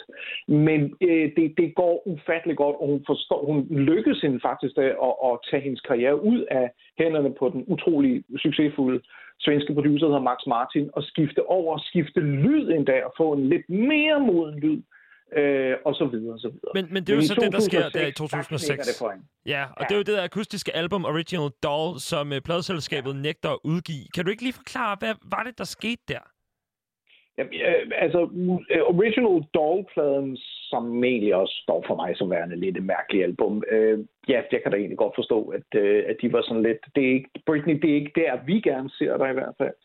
Øh, men det, der sker rundt om hende, det er i hvert fald, at, at, det, øh, at der går alvorlig knas i ægteskabet, som hun har med en danser, der hedder Kevin Federline. Hun oplever andre psykiske problemer, som vi nok ikke helt endnu øh, har fået øh, kendskab til. Øh, og hun får i hvert fald et øh, alvorligt sammenbrud, øh, som, så som så mere eller mindre sker øh, fuldstændig synkron med, at hun udgiver et album, der hedder sjovt nok Blackout. Men det, øh, hvis vi lige vender tilbage til den der original doll, jeg har jo hørt, at, øh, at det var jo, der var snak om, at hendes stemme, den var forandret øh, på det her album, og det ligesom ja. ikke passede ind i det brand, som pladeselskabet ville have. Øh, ja. Kan man tale om, at der var øh, enorme kontroverser der, og det måske var, var der, at man fandt ud af, okay, nu kan det øh, kun gå galt? Ja, man kan i hvert fald sige, at der begynder i hvert fald at være en alvorlig øh, mismatch mellem, hvad Britney selv vil for sin karriere, hvor man måske også mærker, at Britney har måske ikke den der fuldstændig iskolde forståelse af, hvad der vil være gavnligt for hende selv, øh, hvis, altså hvis man har de sådan rent kommersielle briller på. Øh, og så hvad øh, pladeselskabet ser, de vil jo gerne blive ved med at holde den her cash cows øh, øh, skrue i vandet, og den her idé om, at hun er hele Amerikas it girl. Og det kan du simpelthen ikke gøre, hvis du udgiver en plade, som lyder på den måde, og netop med nogle af de her stemme øh, ting. Øh, og øh, også på Blackout-pladen, øh, jamen, der begynder man også at mærke, at hun virkelig bliver autotunet. Den her sådan lidt voldsomme øh, vokalprocesserings øh, øh, sound, som også må ligge meget fjern for den her øh, boytoy øh, øh, persona, som, som hun har forsøgt at, ligesom at portrættere indtil da. Det er sjovt. Jeg husker nemlig også uh, Britney Spears autotune på Toxic i uh, det der C-stykke, ja. hvor at hun uh, lige skriger den der, ah! Uh. Det er jo, altså, det er, og det- jeg kunne godt have brugt autotune. Der skulle jeg det, autotune. øh, det indrømmer jeg blankt. Ja. Men uh, altså, jeg, hvorfor vælger man at manipulere uh, en stemme på den her måde? For, altså, fordi det ændrer jo noget i brandet så. Jamen, jeg tror bare, at øh, Britney på det her tidspunkt, øh, der kommer simpelthen i de fleste unge kunstnere et eller andet tidspunkt, hvor de simpelthen bare ikke magter at stå og lave nøjagtigt de samme øh, igen. Og så skal man jo også lige tænke på, at Britney på det her tidspunkt er blevet noget ældre. Og hun er begyndt at omgive sig selv med nogle utrolig cool mennesker øh, på hendes egen alder. Og de må også stå og råbt og skræde af hende. Hvorfor laver du det der flødebollepop? Du skal da ud og lave noget øh, sammen med nogen, der simpelthen handler om, hvad der foregår lige nu i, i der i midtnullerne. Øh, du skal ud og have fat i nogle lidt farligere producer, og nogen, der har en lidt mere spændende og intens lyd, og så videre, og så videre, og så videre. Og, og det har hun selvfølgelig fået blæst ørerne fuld af fra hendes dansere, fra alle hendes øh, dansers cool venner, og altså en en hel, den hele omgangskredsen, som hun har været omgivet af, det vil jeg næsten ved med. Og det har hun så prøvet ligesom at realisere, og det har så gjort, at øh, hun i hvert fald kommer på kant med sit pladselskab. Men pladselskabs det, der sker i forhold til den konflikt, hun eventuelt måtte have med sit pladselskab, det er jo ikke, det er jo ikke der, at toget vælter overhovedet. Nej, og man kan jo sige, at grund til, at vi snakker med dig, er i forbindelse med de her Free Britney uh, movement, ja. som kører på sociale medier. Og en del af det Free Britney movement er også med, at uh, en historie om, at uh, Britney Spears egentlig har en meget mere sådan Christina Aguilera-agtig stemme, men at hendes pladeselskab holder hende nede. Og uh, generelt bliver hun måske ifølge det her uh, bevægelse også holdt nede på andre parametre. Men uh, og der er blandt andet fokus på blandt andet Lucky, Overprotected, Circus, Piece of Me og Gimme More. Mange af hendes kæmpe hits, hvor hun øh, bruger øh, sin lyrik som talerør. Tror du, det er noget, øh, som er et aktivt valg, eller hvordan forholder du til den her historie? Altså måske skal vi lige øh, prøve at bare ganske kort rise op, hvordan hun er kommet ind i den situation, øh, som hun står i nu. Ja, altså bare ganske kort. 2007 oplever hun et kæmpestort øh, breakdown, et, et nervesambrud. Øh, hun, får, hun bliver barberet skaldet i offentlighed. Øh, på et tidspunkt ser det ud, som om hun har en affære kørende med Paris Hilton. I hørte det rigtigt. Nå ja. Øh, og, der, og der er øh, i det hele taget, er, altså hun vivler rundt i en øh, situation, hvor hun tydeligvis overhovedet ikke har styr på sig selv, og mister i øvrigt også forældrerettighederne for hendes to børn. Sidste, det må have gjort så ondt, man tror, det er løgn. Og det var også der, hvor vi husker det- blandt ja. andet sådan en som Chris Crocker fra 2007, som lavede hele den der Leave Britney Alone. Ja, netop. Øh, og, og, og hun har i hvert fald en, en massiv øh, psykisk krise på det her tidspunkt. Og øh, hvis jeg kender en ret, så har farmand ikke af den årsag ønsket, at hun skulle sætte øh, hvad hedder det, øh, farten ned, og, fordi så er der jo ikke penge i kassen og sådan noget der. Det er meget amerikansk, og det er meget klamt, for at sige det som det er. Øh, og det gør hun så, at hun øh, står i en situation, hvor hun faktisk øh, ikke har brug, altså ikke kan øh, på nogen måde overskue sit eget liv. Og derfor øh, bliver hun indsat i noget, der hedder et conservatorship.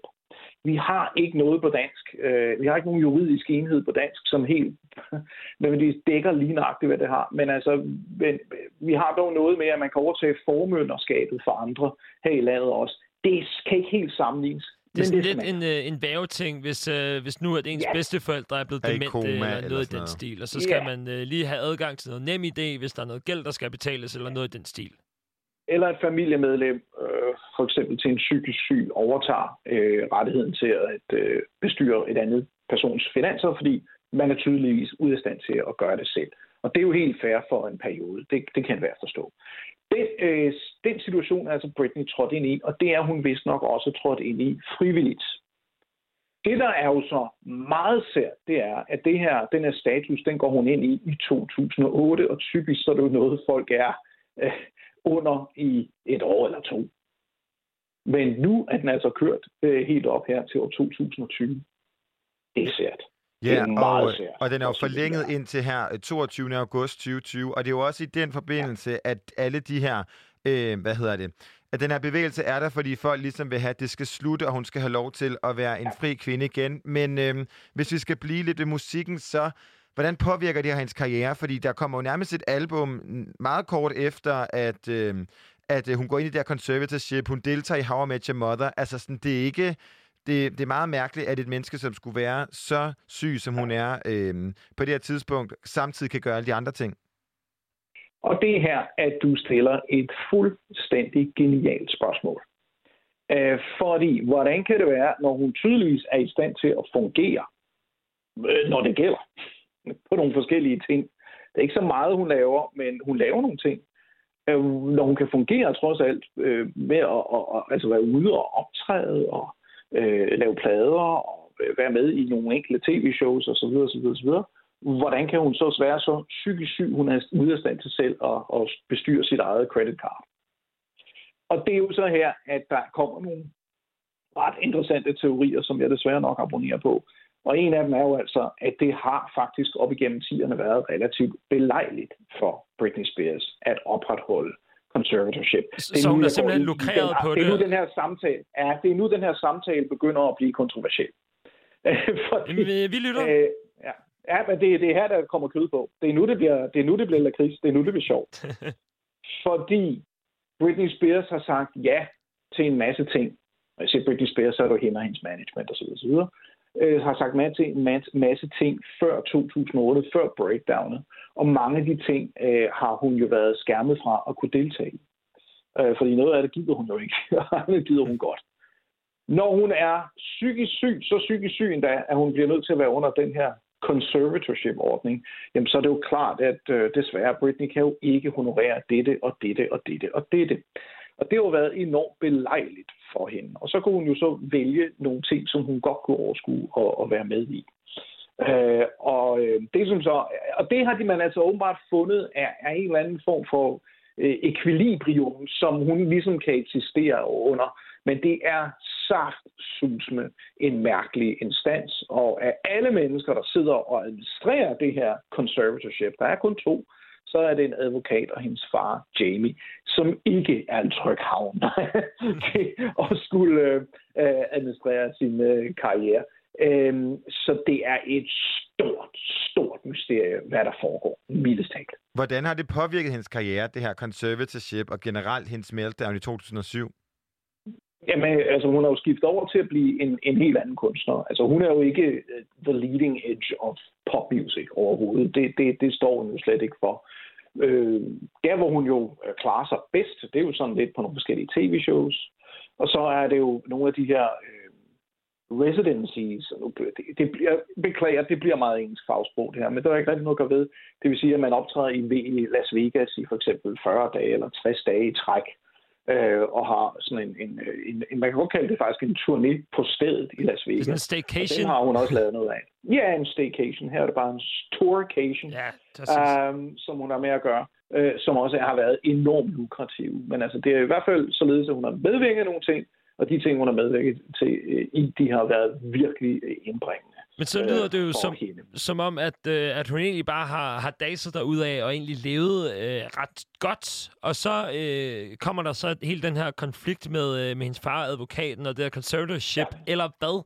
Fordi vi ser jo på Instagram blandt andet, at der er det her hashtag Free Britney, og øh, hvis du tager den her gule top på, jamen øh, så betyder det, at du har det dårligt, og øh, hun tager en gul top på. Og omtaler endda den som hendes favorit gule top, ikke? Præcis, så altså, det der med, at man sender nogle signaler ud, at det er bare en sølvpapirshat, eller hvad tænker du? Ja, det tror jeg, det er. Det, øh, det er faktisk helt overbevist, det er. Mange af de her fans, som vi jo også kender over på Michael Jackson-lejren, jamen det er jo skønt, og det er jo fantastisk, at de er så dedikerede. Det er dejligt. Men det betyder altså også, at man begynder at tolke, altså overfortolke nogle signaler i en grad, der er helt vanvittig. Tal med Paul McCartney, om han har prøvet det i 60'erne, og det har han. Så det er altså noget, der desværre også kører i dag. Det er lidt noget fjol. Hvad vi dog ved, det er, at og det man nok skal regne med at være et faktum, det er, at Britneys liv gennem de sidste 10 år har været meget en øh, op- og ned-affære. Jeg tror, vi kan regne det for at være relativt velbegrundet at antage, at hun har nogle gode perioder, og så har hun nogle perioder, hvor det ser virkelig øh, trist ud for hende. Øh, altså, øh, man skal passe på med at fjerndiagnostisere, fordi det, det skal jeg ikke lade mig ind på. Jeg er ikke psykolog, og, og i det hele taget fjerndiagnostisering er noget forfærdeligt, men man får nærmest fornemmelsen af, at hun har gang i en eller anden form for det, der hedder bipolaritet. Men det skal, altså, det har I ikke hørt fra mig, havde jeg nær sagt. Fordi det holder ikke for mig, at jeg sidder og, og prøver at tolke på den måde. Men der er et eller andet med, hun har, nogle, hun har nogle perioder, og så har hun nogle andre perioder. Det er i hvert fald et faktum. Hun har faktisk lige været igennem en, øh, en indlæggelse på, på et øh, øh, psykisk sanatorium af en eller anden art. Så, så, så det du mener i forhold til, øh, til alt, der sker med Free Britney nu på internettet, og det er jo mm. noget, rigtig mange øh, taler om, og endda ja. også bekymrer sig om, det øh, vurderer du til at være øh, sådan lidt opspændt, fordi at vi har set det i, øh, Ja. ja, hos andre kunstnere. Du har set det hos Michael Jackson, ja. du har set det hos Paul McCartney i 60'erne, så du siger, så, så det er egentlig bare noget, som, øh, som os, der følger Britney Spears på Instagram, Instagram, vi bilder os ind, at hun ikke har det ja. godt. Jamen, ja, altså, øh, vi behøver jo ikke at være i tvivl om, hun ikke har det godt i perioder i hvert fald, fordi vi ved, hun har for eksempel været indlagt igen for ganske nylig. Det gør man nok ikke, hvis man har det bare super godt. Så, så der er ikke noget der. Jeg synes også, altså de der fans har jo også fat i nogle ting, som handler om, at det er jo bizart, at, at det her conservatorship, den her værveordning, at den kører så lang tid. Man begynder da også at tænke, Øh, er vi nu nået derude, hvor det i starten var meget fedt for Britney, at, øh, altså til at starte med var det jo førstehjælp at gøre det. Så blev det måske en situation, der var meget fed for Britney. Jeg, jeg sidder og postulerer. Men nu er den jo gået derude, hvor det bare er blevet mærkeligt. Men hvad tror du, der Øhm, kommer til at og, ske øh, nu? Ja, det Den er 22. virkelig- august, hvis jo. Det er, det, jeg tror, den bliver forlænget. Uh, fordi jeg vil væde med, at Jamie uh, Spears, hendes far, og den der advokat, uh, de har simpelthen svært ved at uh, lade den der guldkalv uh, flyve frit. Så længe de sidder med, med, med, med øh, hvad hedder de, øh, foden på speeder og bremser, der er, det, der er det altså rigtig dejligt. Og jeg tror også, de sidder selv og har den opfattelse af, at de faktisk gør Britney en tjeneste ved at det her, det kører. Men jeg synes jo bare, det er mærkeligt, at et menneske, som er langt ind i 30'erne, øh, øh, hvad hedder det, og mere end det, øh, sidder og, og eller er, er omfattet af sådan nogle ordninger der. Øh, Altså, det- altså det kan man så måske smide det ind som en metafor, lidt ligesom med øh, dyr i zoologisk have, at øh, de kan godt leve derinde i, øh, i buer, ja. men øh, så snart de kommer ud og skal leve for sig selv og, øh, og klare den til dagen og vejen med, med at finde føde selv, så, øh, så overlever de faktisk ikke. Så, så man mener, eller du mener, at Britney Spears, hun har brug for det, men hun ikke nødvendigvis ved, hvor meget hun har brug for det. Jeg synes, at det i hvert fald er mærkeligt, at det her øh, team ikke har brugt mere krudt. Det ved man jo ikke, om de har, men det mistænker dem for, at de ikke har. Men de kan bruge mere krudt på, at, om man så må sige, sætte nogle ordentlige rammer op for, at de kan afvikle sig selv. Altså, det ville jo være den gode måde at gøre det på. Det skulle jo have været gjort tilbage i 2010 eller 11 eller sådan noget, ikke? Øh, men det virker som om, at, at de er i hvert fald måske meget tilfredse med, at tingene er på den her måde. Og så er der jo en sidste joker, vi ikke kender i det her spil. Vi ved ikke, hvor slemme Britney Spears' nedtur egentlig er. Altså, det er jo den, den grå eminence, der står her om baggrund og, og blinker. Vi ved ikke, hvor slemt det i virkeligheden er. Det kan være, at hun bliver holdt som en guldfugl i et bur. Det kan altså også være, at der er noget om snakken, og at de konstant vurderer på, er det muligt nu at lade hende flyve frit og sige, nej, det, det, det kan vi simpelthen ikke. Øh, og det kan du kun vide, hvis du er inde i den helt inderste kreds omkring Britney Spears, hvordan, hvor, hvor, hvor det egentlig står henne. Det kommer vi tre desværre ikke i aften til at, øh, at finde ud af. Og med de ord, så vil vi sige tak til dig, Henrik Milling, øh, musikekspert. Og hvis som en tak, så må du få lov til at øh, spille dit yndlings Britney Spears nummer. Hvilket skal det være? Ja, men hør nu, det er perfekte popnummer. Og det er det. Der er ikke noget, der er lige så skarpslebet og fantastisk udført som uh, Hit Me Baby One More Time. Og jeg er ligeglad. Det står stadigvæk som værende en, en, monol, en kæmpe monolit af, af, altså, af musikproduktion, der simpelthen i min bog nærmest ikke lavede noget bedre i 90'erne. Det hører vi. Tusind tak, og rigtig god aften. Lige mod.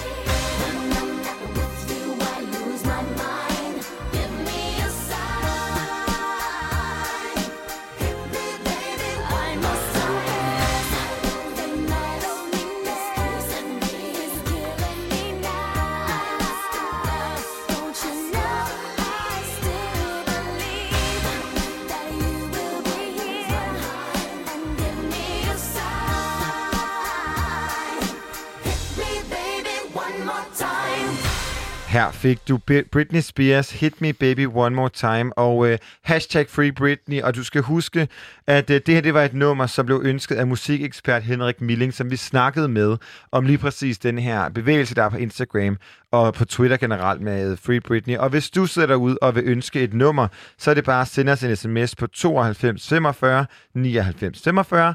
Mathias, hvad var nummeret? 92 45 99 45.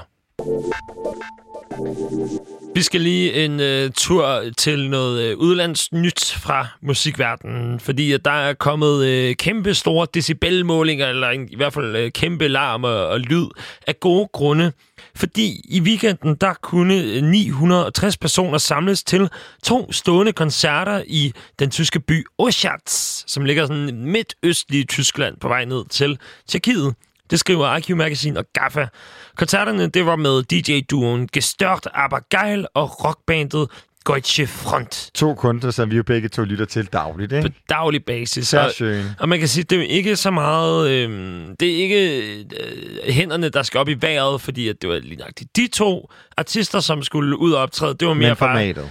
formatet, og det der med, at vi, øh, at vi kan se frem mod øh, et sted tæt på Danmark, som har tænkt, at man kan begynde at lave koncerter. Det her koncertformat, det betød, at øh, publikum de blev inddelt i sådan grupper af fire med sådan barriere imellem de her grupper. Lidt ligesom hvis man forestiller sig sådan, hvis jeg lukker øjnene og forestiller mig, hvordan det her det ser ud, så er det, hvis at du øh, tager på øh, Roskilde Festival, eller ja, Roskilde Festival er nok der, man kender det bedst, eller nogle af de her store sådan Golden Circle øh, arrangementer, der er i de store haller, hvor at du bliver sådan slusset ind i et område, hvor der kun kan være x antal mennesker. Foran orange scene kan der for eksempel faktisk være de her fire opdelte øh, grupper. Og det tænker jeg egentlig, det er da egentlig meget naturligt, at ja. man kan gøre det på den her måde. Og hvis man så bare gør det med, øh, med de der rundt regnet 1000 mennesker ad gangen, så virker det til øh, egentlig godt at kunne lade sig gøre. Det, de havde gjort, det var sådan, at gangsystemet, det var ensrettet, så man ikke kunne komme i kontakt med nogle af de andre grupper. Altså, man stod netop kun sammen med dem, som man var i samme celle som. Og øhm, der var håndsprit tilgængeligt ved indgangen, og der var øhm, håndsprit ved madbordene og toiletterne. Så på den måde var det meget fint. Det var udtænkt af nogle øh, eventspecialister, og øh, de har selv kaldt det for en kæmpe succes. Jeg er Og- lidt spændt på, hvordan man, hvor lang tid man kan kalde det en succes i forhold til det her med sådan, om fire dage, fire dage efter koncerten, så er inkubationstiden jo over, og det vil sige, at man så kan måle coronavirus. Ja, fordi det er også lige det, lige altså... At finde ud af, hvor lang tid skal der lige gå, inden at man kan erklære det en, en succes. For eksempel, altså hvis vi bare lige tænker tilbage på Danmark, Black Lives Matter-demonstrationen, der var i Danmark, der var jo været 15.000 mennesker samlet der. Og været tre, Meget få smittede altså som kunne have blevet smidt i et magasin også, ikke? Præcis. Så på den måde er det jo, det er jo rart at vide, at, at man godt kan gå til større forsamlinger på den her måde. Og det er jo så også det, som de har taget til sig i øh, hvad hedder det, den her øh, delstat, der hedder Sachsen, der hvor byen Oschatz ligger. Og det er netop øh, der lovligt, at man kan holde arrangementer, øh, man kan have arrangementer med op til sådan 1000 tilskuere. Og øh, det synes jeg egentlig er en meget fin historie. Der er andre steder, hvor at, øh, man ikke kan, øh, man, man kan ikke have de her øh, begivenheder og koncerter før til november. Der skal man lige øh, tjekke helt af og finde ud af, jamen er forholdene nu, som de skal være? Hvor mange smittede er der i regionen, før at man ligesom kan finde ud af, hvordan der var ledes med det. Og hvordan er det der på dansk jord? På dansk jord, der må vi stadigvæk ikke være til øh, stående koncerter indendørs eller udendørs. Øhm, og vi må højst sidde 500 publikummer til en koncert. Lige nu. Og, ja, og det har jo ligesom gjort, skabt røre, fordi vi har en blødende musikbranche, som vi også snakkede om i går, som vi har snakket om flere gange, mm. både med lydmænd og med lysmænd og med generelt folk, de her de sorte t-shirts, som er bag, ikke? Og lige præcis, øh, det kan jo måske åbne op. Altså nu tænker jeg også, hvis vi lige kigger hen mod fodboldverdenen, der var der øh, fodboldkamp mellem FCK og FC Midtjylland for ganske nylig, hvor der var sådan noget 4.200-300 personer samlet inde i, øh, inde i hvad hedder det, Herning Arena. Og det er, jo, øh, det er jo faktisk et pænt tal, og det er jo selvfølgelig fordelt over et, øh, et større areal. Men det viser i det mindste, at man godt kan samles om et event mere end øh, de her 500 mennesker, som der er i Danmark indtil videre. Så øh, kort sagt, så i Tyskland, der har de haft øh, sådan en prøvekoncert, hvor der har været 960 mennesker til sådan en dobbeltkoncert med en DJ-duo og et rockband, og øh, det er efter sine gået fremragende. Og hvis det nu var, at vi var i Tyskland, ich spreche sehr gut Deutsch. Und, Oh, du skal virkelig bare prøve dig med alle sprog i dag. Ja, alle sprog, ikke? Øhm, hvad vil du så gerne høre? Hvad skulle vi glæde os til? Hvad for en koncert vil du tage mig med til? Og hvad, Oh, altså, lige med tysk musik, så er det jo nærmest kun Scorpions. Jamen, jeg ved ikke, jeg, jeg, ikke noget tysk musik. Hvis vi lavede, som om vi var, havde samme forhold som Tyskland. I, I Danmark, altså der er et band, jeg endnu ikke har set endnu. Det er Joyce. Joyce vil jeg rigtig gerne se. Det er nok en af dem, der er allerhøjst på min ønskeliste over koncertbilletter, som jeg skal skaffe mig, så snart at der kommer øh, muligheder for, at vi kan komme til større koncerter. Fordi jeg tror ikke, at de kommer til at spille et sted, hvor der kun kan være 50 mennesker. Jeg er enig, og jeg glæder mig til at høre Durian, som kommer her.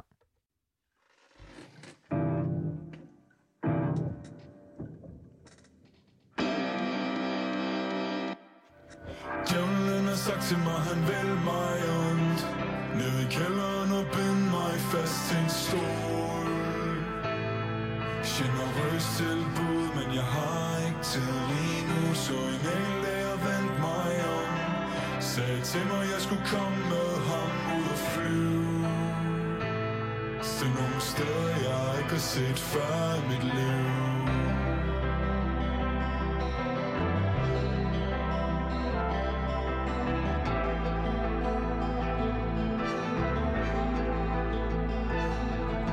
Dæmonen i mig, han har sat sig fast. Kommer tættere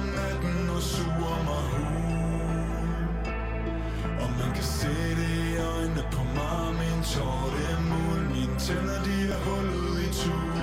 Og mine hænder, de er rystet konstant i nu. Sådan her har jeg ikke haft det før i mit liv.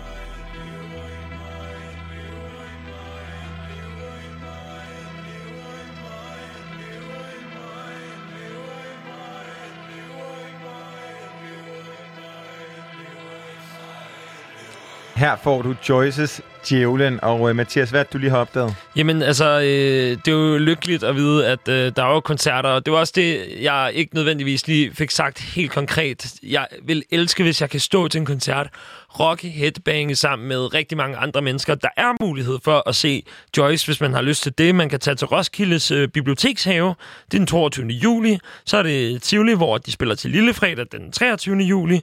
Og så har de igen øh, i Roskilde den 28. august en koncert koncert sammen med Blikfang og Ecstasy Order på Gimle. Så der er rig mulighed for at, øh, at se dem, men under nogle andre forhold, end vi måske lige havde regnet med i første omgang. Nu tager vi et kig øh, ud i de musiknyheder, der har været i... Øh, vi fortsætter lige så med de her musiknyheder, der har været ud i verden. Og det skal vi nemlig, fordi at Rolling Stones Magazine har offentliggjort en rangliste med de største sange og de største albums i første halvdel af 2020. Ja. Yeah. Og hvad er der er mærkværdigt ved dem? Jamen altså, øhm, for, for lige at nævne det, det er jo det her amerikanske magasin, og den her liste er lavet på baggrund af, hvor mange salg af sange og albums og streams, der har været, og så har man lavet sådan det her regnestykke, som har øh, givet en bestemt værdi til nogle forskellige numre og albums. Og øh, nogle af de ting, som jeg har lagt mærke til, når jeg lige kigger ned på den her liste, det er blandt andet øh, på top 10-listen, der har vi Roddy Rich. Han har tre numre i top 10.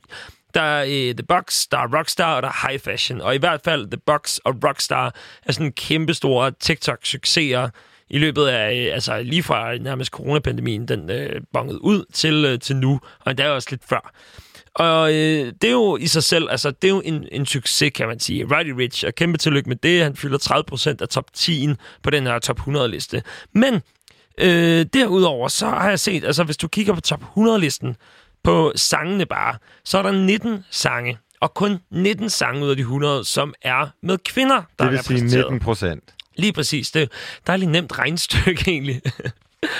På øh, albumlisten, der er det øh, syv kvinder. Så altså, øh, overordnet set, kvinder er underrepræsenteret på den amerikanske top 100-liste fra Rolling Stones Magazine. Jeg er så glad som feminist, at jeg bare kan komme med de her hardcore tal og sige, ligestilling has not happened yet.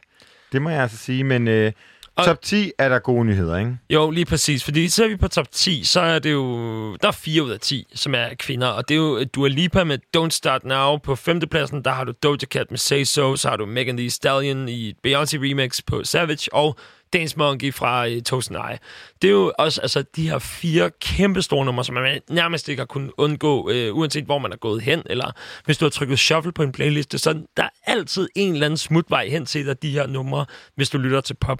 Så øh, altså, at den vej er det jo ret interessant, men at det er top 10, at, at der er øh, så koncentreret en, en mængde kvinder, det udelukker, det betyder, at der er i de, resten, de resterende 90 pladser, der er der 15, 15 kvinder.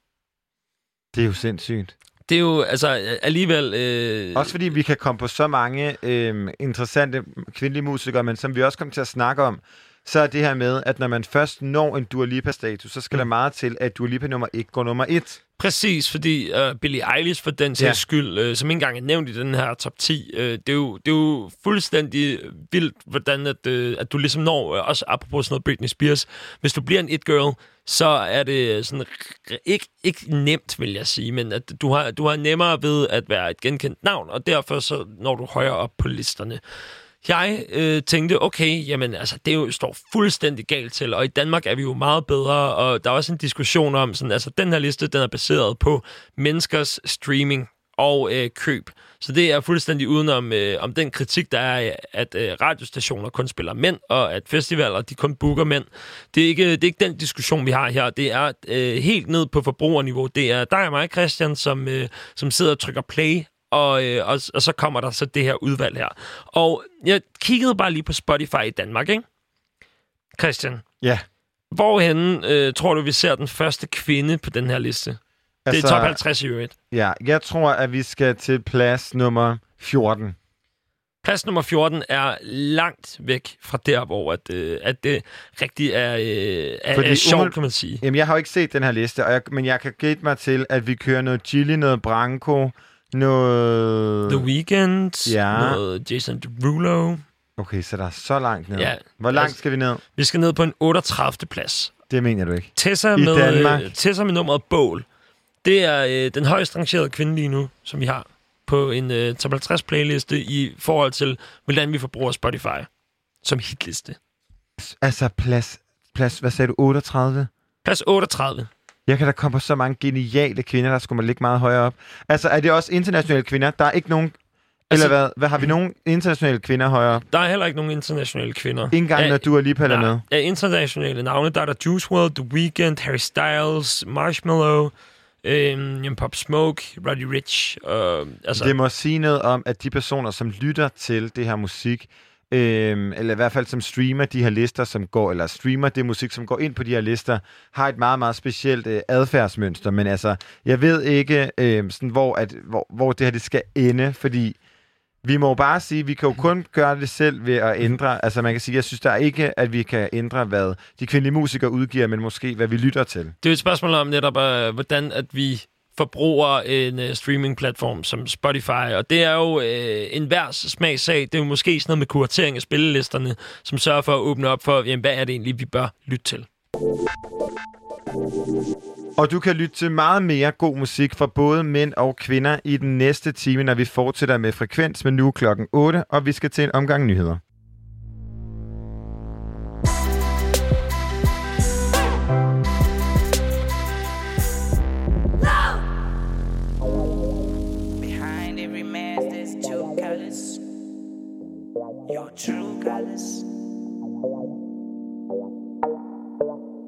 Can't keep no secrets, don't tell them out loud. Tell them to me, cause you can trust me. But if you go behind my back, I'm gonna stab you. Cause I don't play like that. Cause you don't, cause you don't, cause you don't, cause you don't, cause don't play like like that. Play no games. Play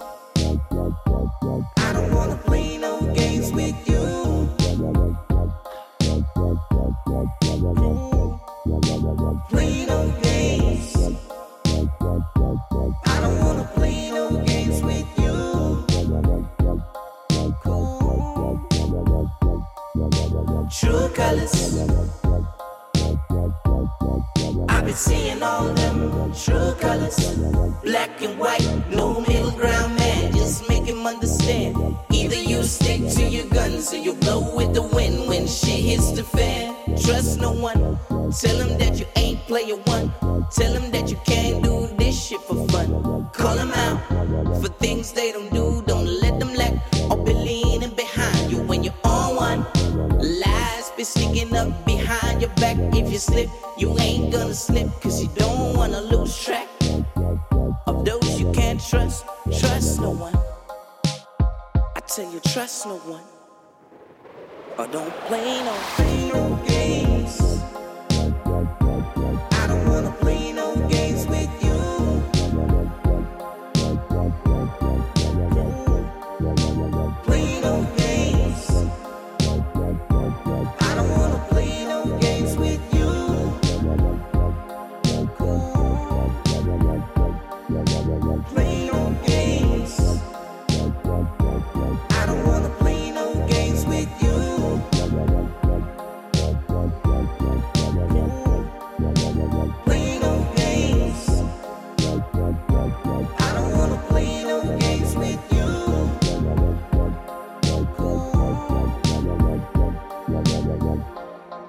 He's a backstabber and you don't know, you fall down and get manipulated.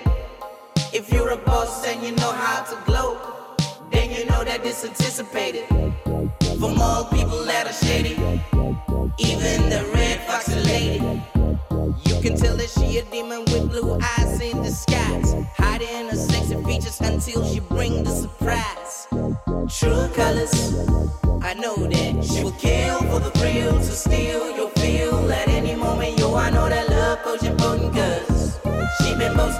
from the.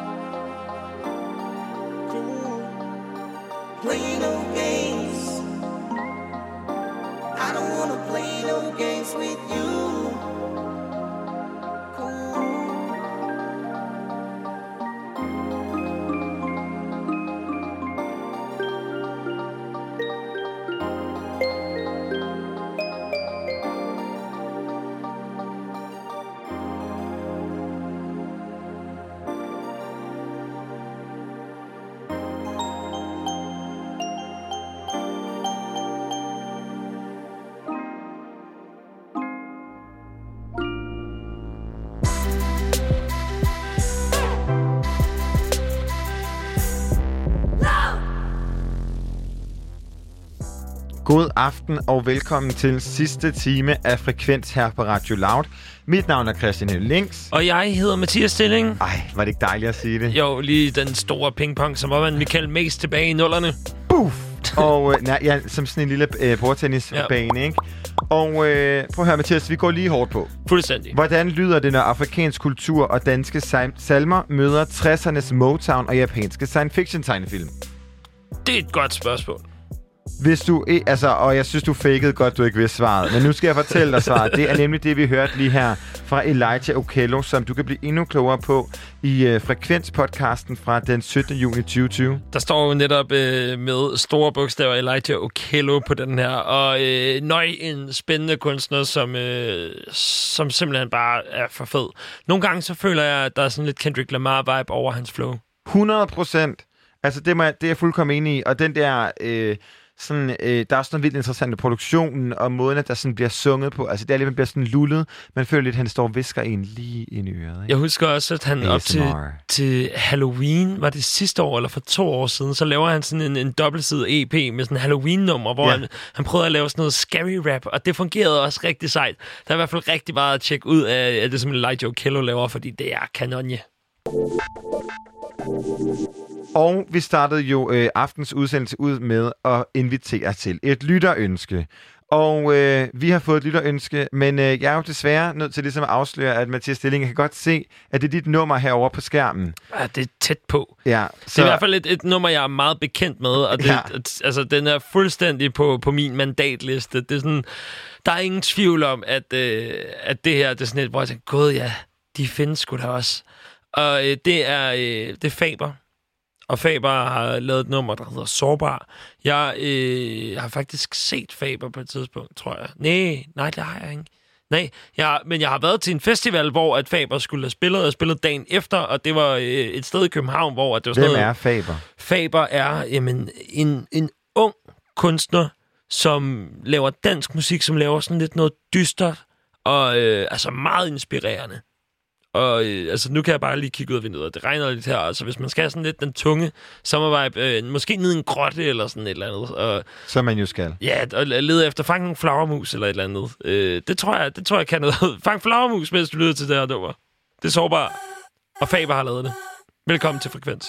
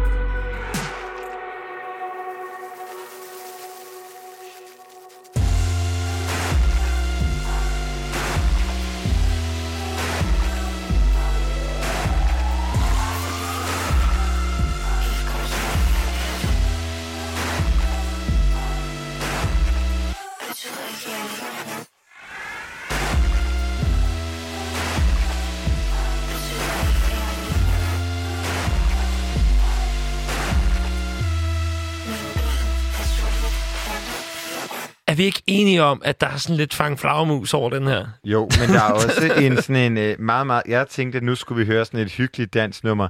Det her var jo overdrevet sejt. Jeg har aldrig hørt om Faber før. Og øh, du havde jo også ønsket... Altså, det passer jo meget godt ind, det her nummer, i forhold til vores snak øh, før nyhederne omkring øh, det her med, at der ikke er nok kvinder på øh, den danske top. Hvad var Ja. det? 100? Ja, top 50? Top 50 på Spotify, hvor nummer 38 er øh, Tessa, nummer 40 også Tessa, og nummer 42 er øh, også Tessa. Okay. Men udover det, så er der rigtig mange mænd repræsenteret på den her. Og igen, Spotify øh, indikerer jo kun øh, vores forbrugsvaner som altså privatpersoner. Den, har, den afspejler ikke nødvendigvis, hvad der sker i radioen, men man kan jo i det mindste bare gøre det, der hedder at oplyse folk om, hvilke fede kunstnere, der findes derude. Blandt andet Sårbar, eller Faber er det jo selvfølgelig, som var et, øh, et glimrende nummer. Glimrende, glimrende nummer. Og øh, vi snakkede jo om de her øh, kvinder på øh, top 100-lister generelt, fordi vi snakkede om Rolling Stones.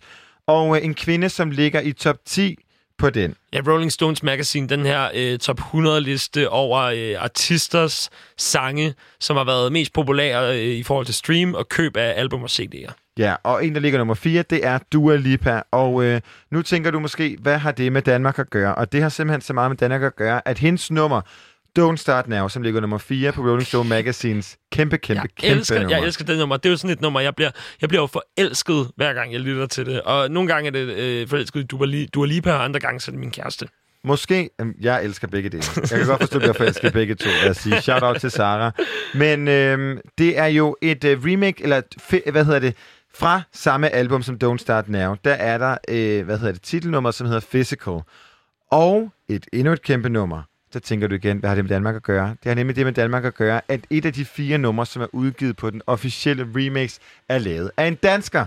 Og det er den danske kvinde, der hedder Erika de Cachet. Ah, Fuldkommen legendarisk sådan elektronisk producer, musiker, sangskriver. Sindssygt vild rød tråd, du havde gang i der. Det kunne jeg godt lide. Kunne man følge med? Det er ja, tit, jeg altså, tit vi, dårlig. vi gik fra Don't Start Now, som var nummer 4, På øh, mest spillede, mest yes. eftertragtede nummer øh, på playlister, til øh, et nummer fra pladen, der hedder Physical, som er titelnummeret, til remix af Physical, eller af øh, numre på pladen. Af Physical. Et remix af Physical, som jo så er øh, Erika de Cachet fra Danmark, som har øh, remixet det her. Og øh, jeg er glad for, at du fangede den røde tråd, og måske det hele giver mening, når du her får nummeret, nemlig Physical af, Dua Lipa i et Erika de Cachet remix.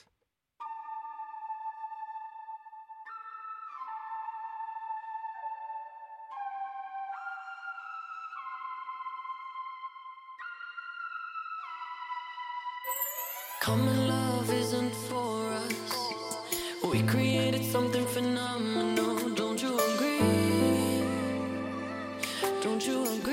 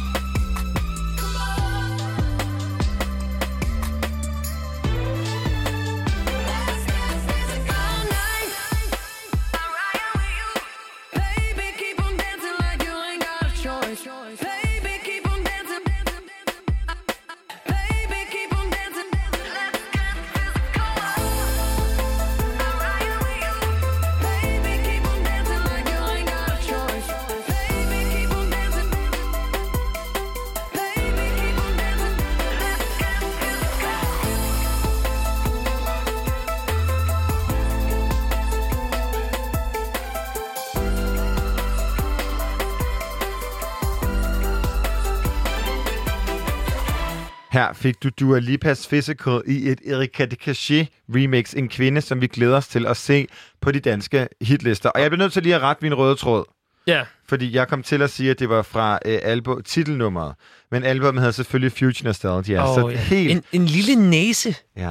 Åh, oh, her, Åh, ikke? pokkers også. Jeg fik den godt i det mindste, men altså, ja, skønt remix, og øh, lige øh, vifte lidt med det danske flag. Ja, det er fandme sejt. Altså, Erika de Cachet er blevet spurgt, at du lige på mon remix det her. Det synes jeg eddermame kan noget, ikke? Det er sejt. I Radio Louds musikalske portrætprogram Kontur fik vært Jonas Sølberg i midt-juni eksklusivt lov til at besøge og få en rundvisning på Nick Cave-udstilling Stranger Than Kindness på den sorte diamant i København. Det gjorde han for at lære mere om øh, den her kunstners liv og inspirationen og inspirationer øh, til musikprogrammet er netop den australske legende Nick Cave. Så her kan vi få lov til at komme lidt med rundt på den her udstilling. Og nu skal vi altså som lovet en tur øh, forbi en udstilling, der hedder Stranger Than Kindness, The Nick Cave Exhibition, hvor jeg øh, havde taget min mikrofon med ude for at møde udstillingsarkitekten Christina Bak, som øh, i to år har øh, snakket med Nick Cave på telefon om natten, har besøgt ham utallige gange over i England, og til den her udstilling fået fløjet mere end 100 flyttekasser bøger ind. De har hentet hans klaver ind, de har hentet hans skrivebord ind, for at give os et indblik i, hvem er Nick Cave, og øh, hvad, hvordan laver han sin musik. Og det er bestemt en øh, udstilling, der er en anbefaling værd, både fordi det er en ret stor udstilling, man kan grave sig utroligt dybt ned i. i den, ja, den øh, fylder 800 kvadratmeter nede i kælderen ude på det kongelige bibliotek, men også fordi, at øh, du går rundt i øh, lydinstallationer, som Nick Cave har lavet sammen med en af sine faste samarbejdspartnere og en medlem af The Bad Seed, Warren Ellis. Så du får altså både kunst, øh, nutidskunst, der er skabt til den her sammenhæng i udstillingen, men du får altså også lov til at kigge dybt ned i Nick Caves liv og univers. Her er det altså Christina Bak og mig på øh, udstillingen Stranger Than Kindness. Det rum, vi står i nu, det dækker den periode, hvor øh, Nick Cave han boede i Vestberlin, og hvor han havde en utrolig produktiv periode, og hvor han blandt andet også skrev øh, sin første roman, And There So The Angel, og hvor øh, flere af de store album også blev udgivet. Og noget af det, som jeg synes er særlig interessant i det her rum, det går vi lige over til nu, det er den her montre, som står midt i rummet, som indeholder blandt andet sådan nogle, øh, nogle håndlavede bøger. Fordi inden at, øh, at Nick Cave blev musiker, der gik han faktisk på kunstskole, og det var på kunstskolen, at han mødte de folk, som han sidenhen dannede The Boys Next Door og The Birthday Party med. Men Og hvis man øh, lige kigger på de her bøger, så kan det jo, det kan jo nærmest ligne gamle fotoalbums skrabbøger. Med, der er bibelsk mytologi, det, det er meget, øh, der er mange farver, der er, mange, der er mange, meget billedlig inspiration her. Jamen, det er sådan nærmest nogle små visuelle narrative fortællinger, som han samler blandt andet i bogformater, og som, og som du selv siger, er forankret i, i, øh, i Kristusbilleder og, øh, og øh, gamle, mærkelige postkort fra 50'erne med en lille pige med en hundevalp og sådan nogle ting, som ligesom på en eller anden måde øh, fortæller sin egen lille historie med en masse referencer ind til hans forskellige universer. Og hvis man så graver sig ned i nogle af de her bøger, hvis man kigger på, hvad der står i dem, hvad er det så, øh, hvad er det så han sidder og skribler, skribler?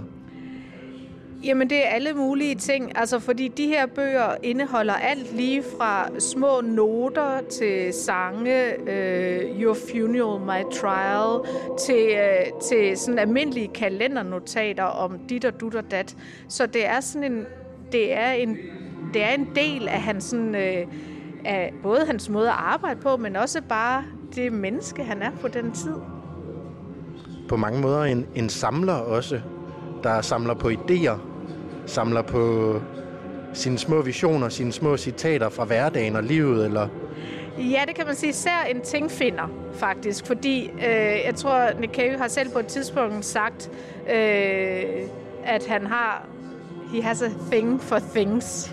some people have some, nothing for anything, but he has a thing for things. Og det kan man ligesom se, han har samlet alle mulige ting, altså i den, og han laver ligesom, han skaber sådan nogle fortællinger omkring de ting, han finder.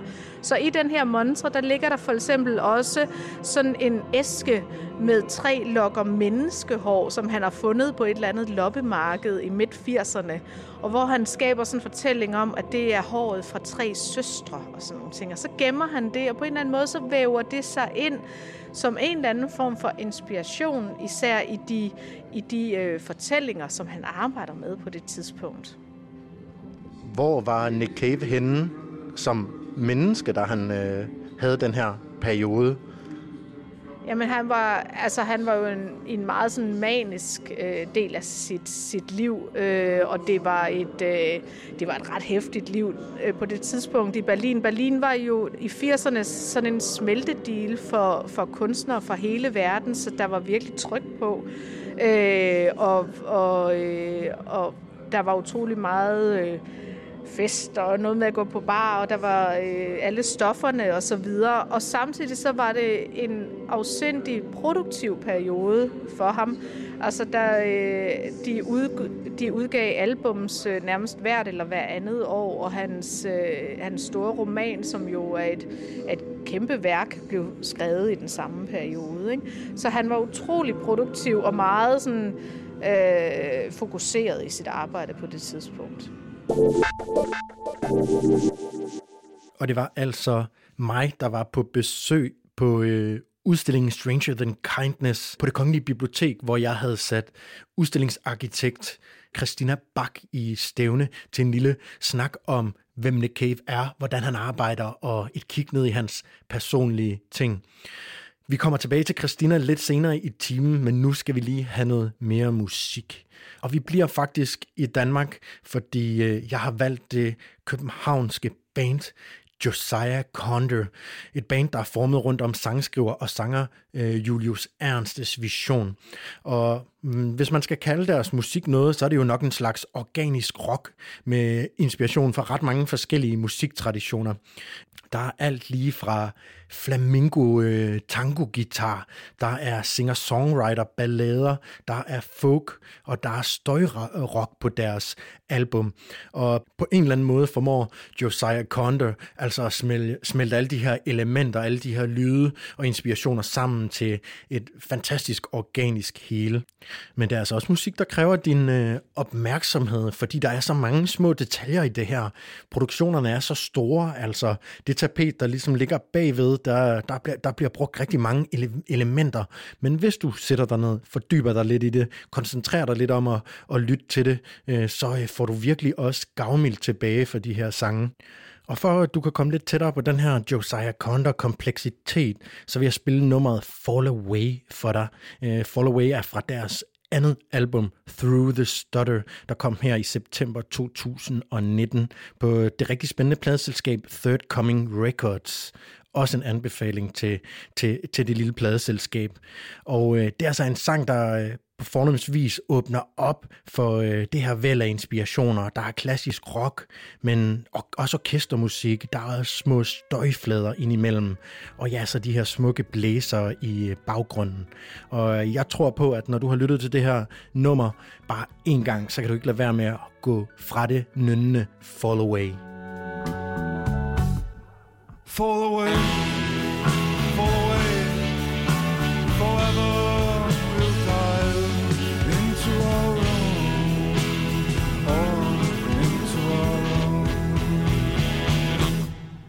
don't explain when there's no more to declare. They took her away, but I was well prepared up there. Fall away, fall away, forever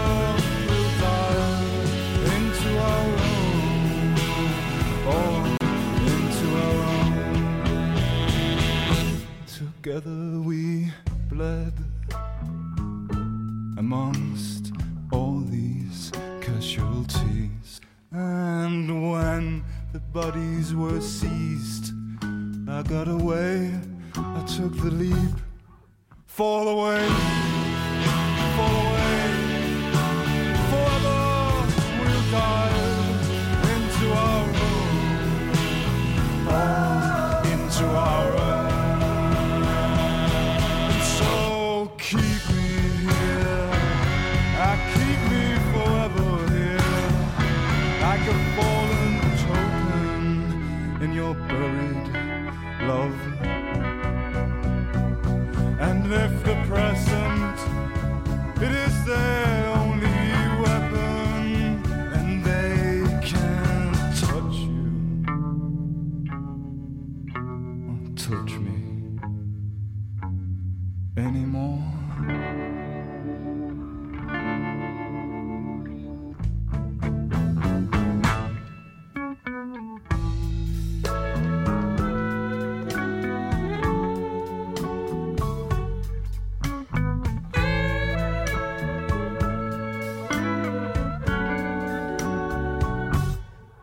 Fall away, fall away, forever we'll dive into our own, into our own. I'm saying what I can find. I'll make do with whatever's left.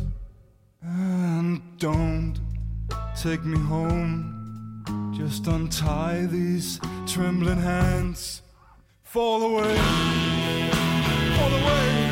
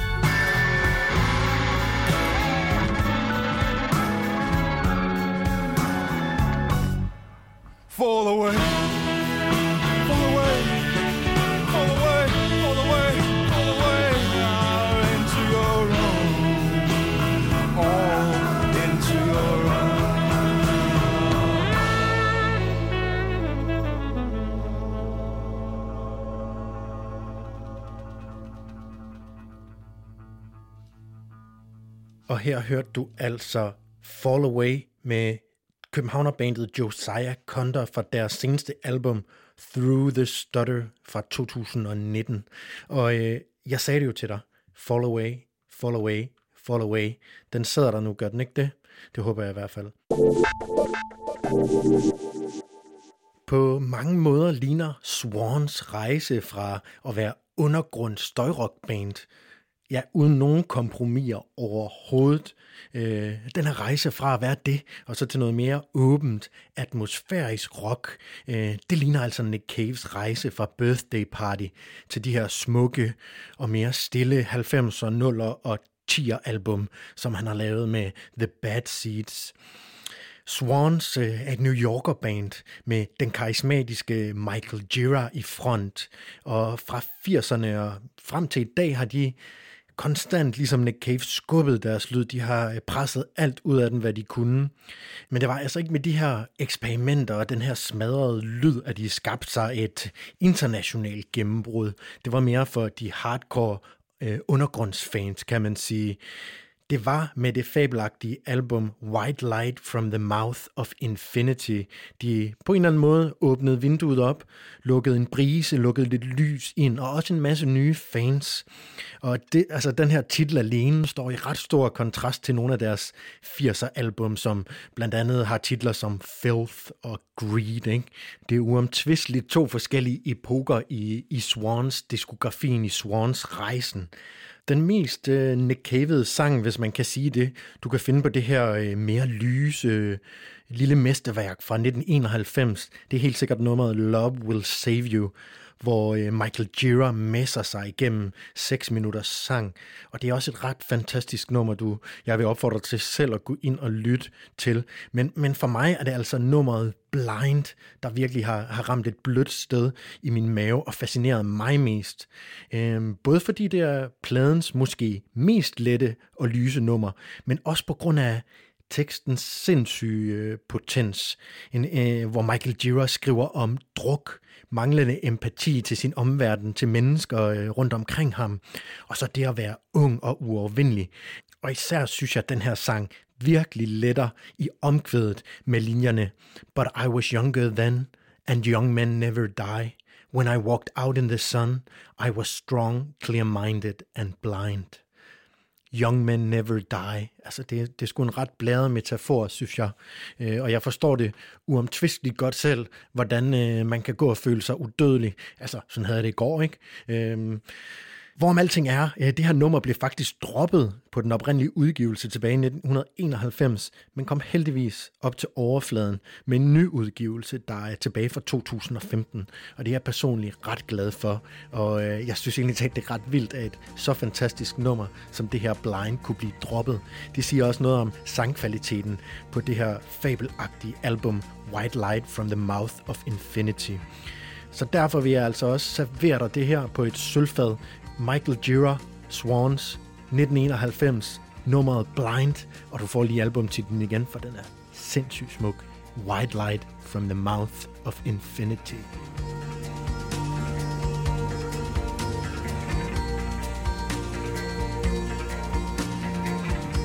Now some of us are weak, and some endure. Some people live their life a violence that's pure and clean. But I saw a man cry once, down on his knee,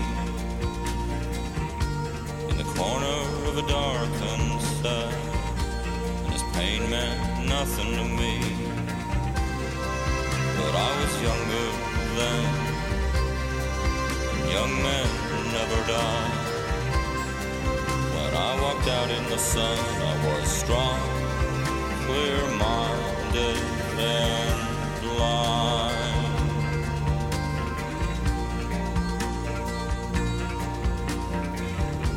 Now don't say a prayer for anyone, it doesn't do any good.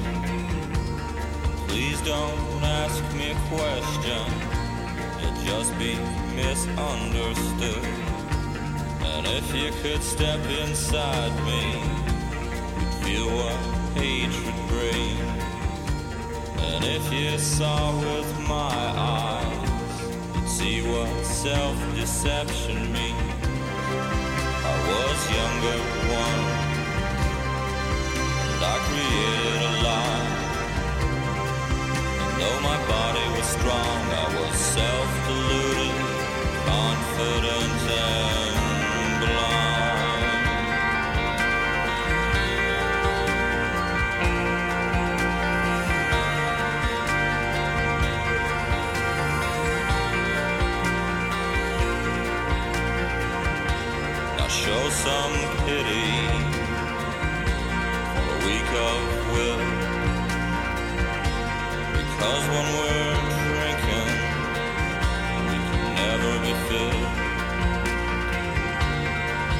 Some understanding for the lonely fool. Because when I am drinking, I am out of control. I was never young. Nothing has transpired. And when I look in the mirror, I feel dead. I feel cold. I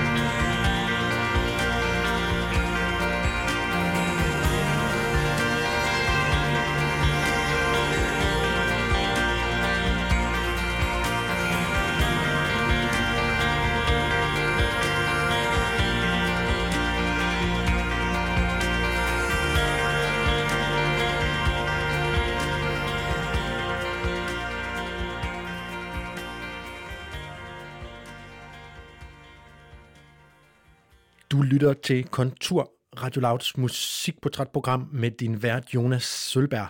I dag er det Nick Cave, vi har under loop, og øh, som jeg spiller sange rundt om.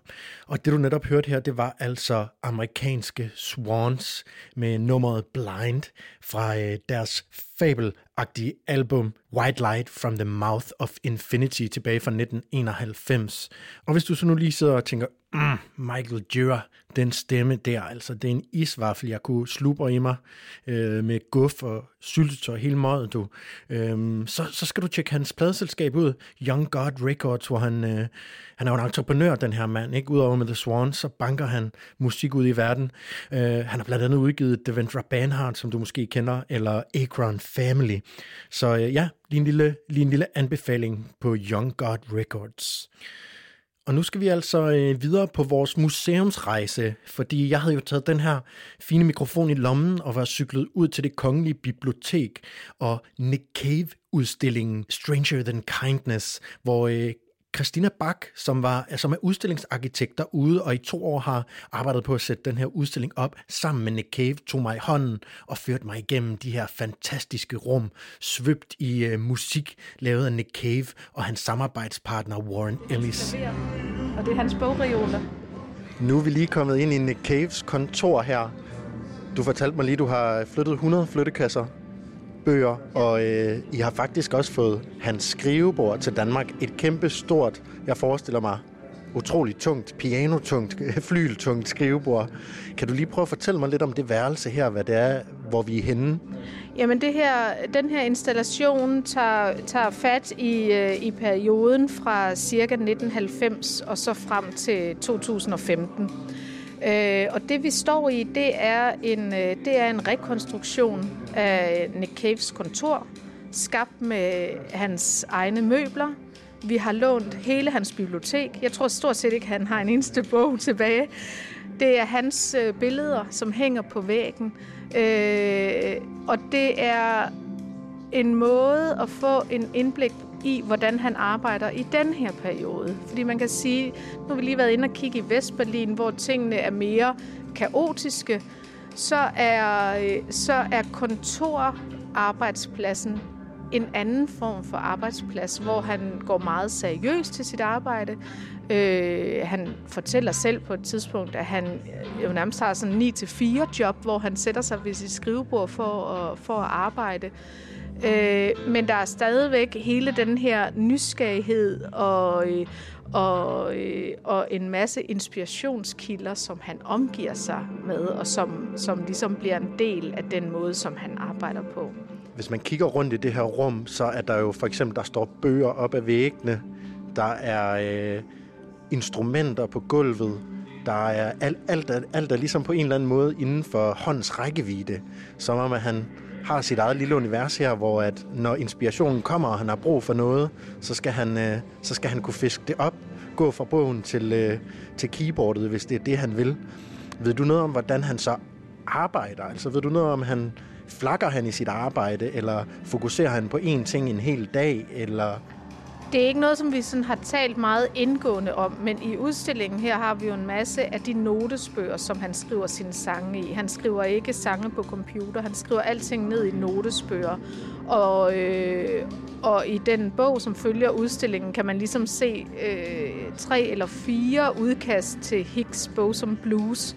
Så, så, så, så min oplevelse er, at hans arbejde med sangene er et meget langt stræk, og hvor at han ligesom stykker det sammen og arbejder sig mere og mere ind på en sang. Men det er klart, der er en grund til, at der står et klaver lige ved siden af hans skrivebord. Så, jeg, så det der med øh, vekselvirkningen mellem at sidde og skrive og, øh, og spille på klaveret, det tænker jeg er, er en naturlig del af den måde, som han arbejder på. Og vi kunne se det, altså i den uge, hvor han var her, der sad han jo inde på det her kontor, i hans udstillingsudgave af sit kontor, ved, det samme, ved skrivebordet, i sin stol. Og en gang imellem kunne man lige være heldig, så spillede han lige lidt på klaveret, og så skrev han lidt og sådan nogle ting. Ikke? Så det blev hans kontor, det her. Christina, nu vil vi bevæge os lidt mere fremad i, i Nick Caves liv og proces.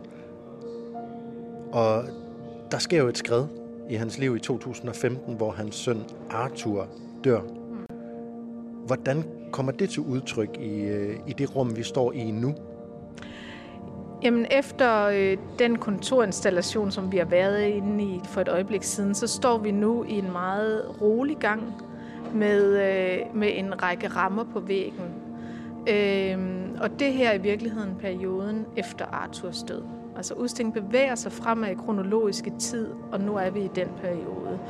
Og der kan man sige, at der står der på væggen, I try to keep moving forward, but with gratitude. Og jeg tror, at det, som er i de her rammer, er nogle tabloer, som Nick Cave har designet, og som hver ligesom peger på ting, der er vigtige i hans liv, og som han tager med sig. Et tableau. Kan du lige beskrive, hvad du mener med det? Jamen, det er sådan en lille opstilling. Det er enten en ramme med en ting i, eller det er for eksempel her bag ved os, der står der en Elvis-byste med tordenvejr bagved. Så det er sådan nogle små øh, billednarrativer, som, som vi har skabt sammen med ham. Øh, og de fortæller hver en, en, en lille del af den historie om, hvor han er henne som kunstner nu, som absolut er, er et andet udtryk end det, der var på spil i den periode, som kontoret repræsenterer. Det er mere roligt. Det er mere... Øh, det omslutter ikke en i sit øh, vælde på samme måde, som de andre rum gjorde. Og kan vi lige prøve at gå over til et af de her tabloer? Det her det er et tableau, som hedder øh, Pissing Boys, og som i virkeligheden bærer en meget fin fortælling omkring Nick Cave og øh, Susie Caves øh, liv efter, øh, efter Arthurs død. Nick han fortæller selv, øh, hvordan han kommer ind i et, et værelse og opdager, at der står sådan en blomsteropsat sammen med sådan to små øh, tvillingedrengefigurer. Øh, og at øh, hver dag ændrer den der blomsteropsats sig, så han begynder at fotografere det. Øh, og det er hans kone, der ligesom laver de her, øh, de her opstillinger. Og det er ikke noget, de sådan snakker om. Det er bare noget, der sker. Så det bliver sådan en form for sådan... Øh, det ved jeg ikke. Måske sådan en, en helingsperiode, eller en form for alter, eller et eller andet, som, som, som de lever med. Og det er også derfor, at sådan en tableau som det her, synes jeg er øh, utrolig rørende, fordi også på mig, for, for det er ikke mig, der har tænkt en masse tanker. Øh, det er noget, han har øh, været med til at lave, og i den proces er der så også blevet givet plads til, at, øh, at de der mere sådan, øh, poetiske udtryk kan finde øh, et, øh, et visuelt sprog, og uden at man måske behøver at, øh, at fortolke sig fuldstændig ind i, hvad betydningen er, men at man ligesom med sangene kan finde sin egen vej og sin egen forståelse til, hvad det er, det her skal fortælle os. Vi er snart ved at være ved enden af kontur for i dag, hvor jeg, Jonas Sølberg, har tegnet lyden op rundt om australske Nick Cave med andre musikere og sange. Og du har blandt andet fået numre af københavnske Josiah Conder og nordjyske Get Your Gun. Og det du netop lige hørte her var altså en optagelse fra Cave-udstillingen Stranger Than Kindness, hvor jeg var inde og tale med udstillingsarkitekt Christina Bak om Nick Cave og hans univers. Og udstillingen kan ses inde på Diamanten, som er en del af det Kongelige Bibliotek i København, og det kan den indtil februar 2021. Og den er altså et besøg værd, så øh, kæmpe anbefaling herfra. Og vi er fuldkommen enige med dig, Jonas Sølberg. Der er nemlig en rigtig god anbefaling i. Og vi spillede jo det her klip fra Konturprogrammet, fordi vi i går snakkede om, at Nick Cave også har annonceret en virtuel solokoncert, som man altså kan opleve den 23. juli. Og det er helt fantastisk og sendt fra Alexander Place Palace i London. For en 130 kroner kan man få fat i sådan en, øh, en billet. Det er jo nærmest som at gå i biografen. Fuldstændig. Og noget, vi skal huske, selvom at det regner og er kedeligt vejr, så er det jo sommerferie. Fuldstændig. Det er i Og, hvert fald øh, sommerferie for rigtig mange mennesker. Ja, og vi har besluttet, at uh, dagens frekvent skal sluttes af med, at vi begge to har et nummer med, vi skal høre på den her sommerferie. Og uh, jeg starter, Det synes jeg er helt fair. fordi jeg skal ingenting i sommerferien. Jeg er simpelthen din frekvensvært de næste, også den næste halvanden uge, og uh, det er min sommerferie. Skal være, at jeg lidt i august.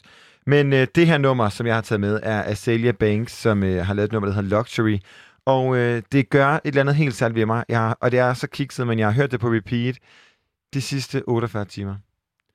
Og Det er lang tid. Det er rigtig lang tid, og jeg hører den om morgenen, jeg hører den, inden jeg går i seng, jeg hører den, når jeg cykler. Og øh, det, det har sådan en konstanthed, og har en ret skøn intro, som øh, jeg glæder mig til at høre, hvad du synes om på den anden side.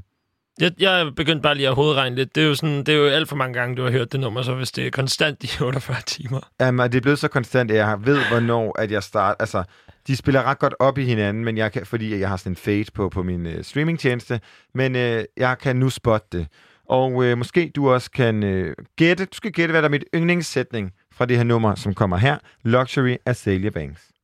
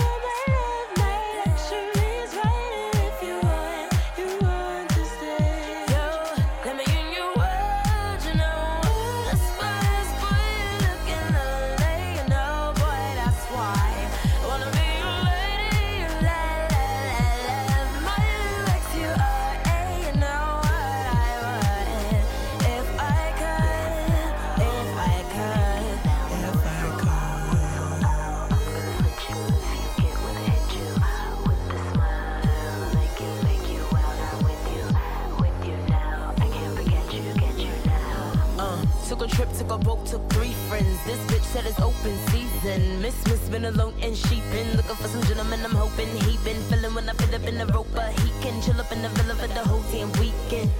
Just coax with her, put your hands on the figure. Now you're groping her, groping her.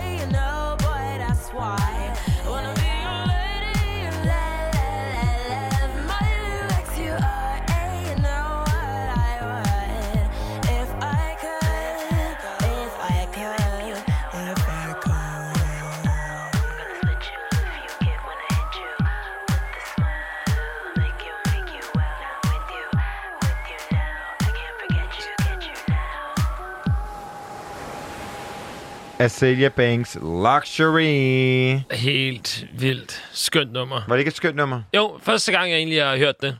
Det synes jeg altid, det er, når du øh, spiller et nummer for mig. Det er da dejligt. Det er jeg glad for, at jeg kan øh, bidrage med det. Men øh, jeg vil ønske, at vi kunne snakke mere om det. Men du skal lige sige, hvad du tror, der er min yndlingssætning. Åh, altså, det er sådan noget... Uh, I'll hip you, hip you now. Hey, hi, hello, yo, what's up? Er det ikke bare mig i en sætning? Jo. Kommer ind i et rum. Hey, hi, hello, yo, what's up? Ja, og du er garanteret også typen, som kunne finde på at sige sådan, thank you next. Øh, 100 procent. Fuldstændigt. Altså, det er sådan catchphrases i Ja, popmusik. ja, ja. Det er det, der fungerer. Okay, men prøv at høre. Vi har jo ikke så lang tid tilbage i dagens program, så lad os gå lige på det. Hvad Ja. er det dit Vi, sommerferienummer? vi når også lige at få klimaks i den sang, som vi skal spille nu her. Øh, Det er Jack Garrett med nummeret Better i Radiohead, godt nok. Det er en mand, som øh, spiller alt selv. Han øh, har en guitar, han har en drumpad, han har øh, et øh, hvad er det, keyboard guitar, han har det hele. Han spiller på det hele, og så er det bare sådan en cockpit, hvor han bare står og giver den øh, max gas på øh, alle mulige numre. Det her nummer, det er festligt. Det Og hedder hvor, Better. Hvor skal du høre det? Det skal jeg høre øh, enten... Altså, jeg forestiller mig sådan, når jeg går øh, ude i min solnedgang, og jeg har sådan venner, og vi sådan har hænderne op i vejret, eller sådan har det fedt på en eller anden måde. Jeg, jeg skal ikke kunne sige, hvad det er. Men der er sådan et eller andet ved den. Specielt et sted, sådan klimakset, hvor der er sådan en guitar, som fortæller alt, hvad min sommer kommer til at være. Men Woo! bare lyt efter, fordi det er et fantastisk nummer. And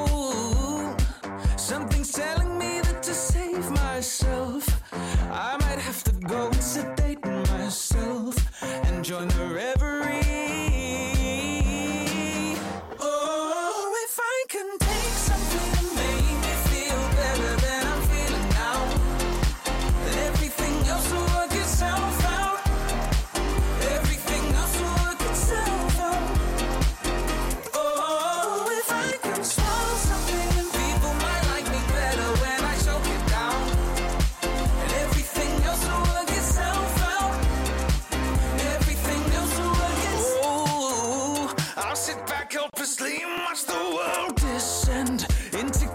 curated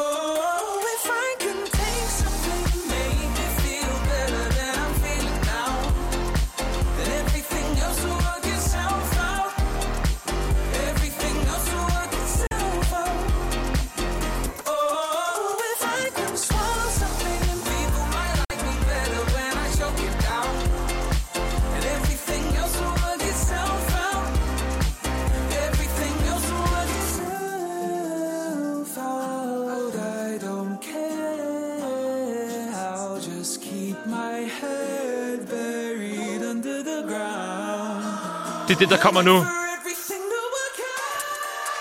Uh. Og så skal vi til den her lyd her. Du skal lytte videre. Det hedder uh, Better med Jack Garrett. Skønt nummer. Vi når ikke mere for i dag. Klokken er nemlig 21 frekvens. Lyt til os på Spotify, Apple, hvor end det er.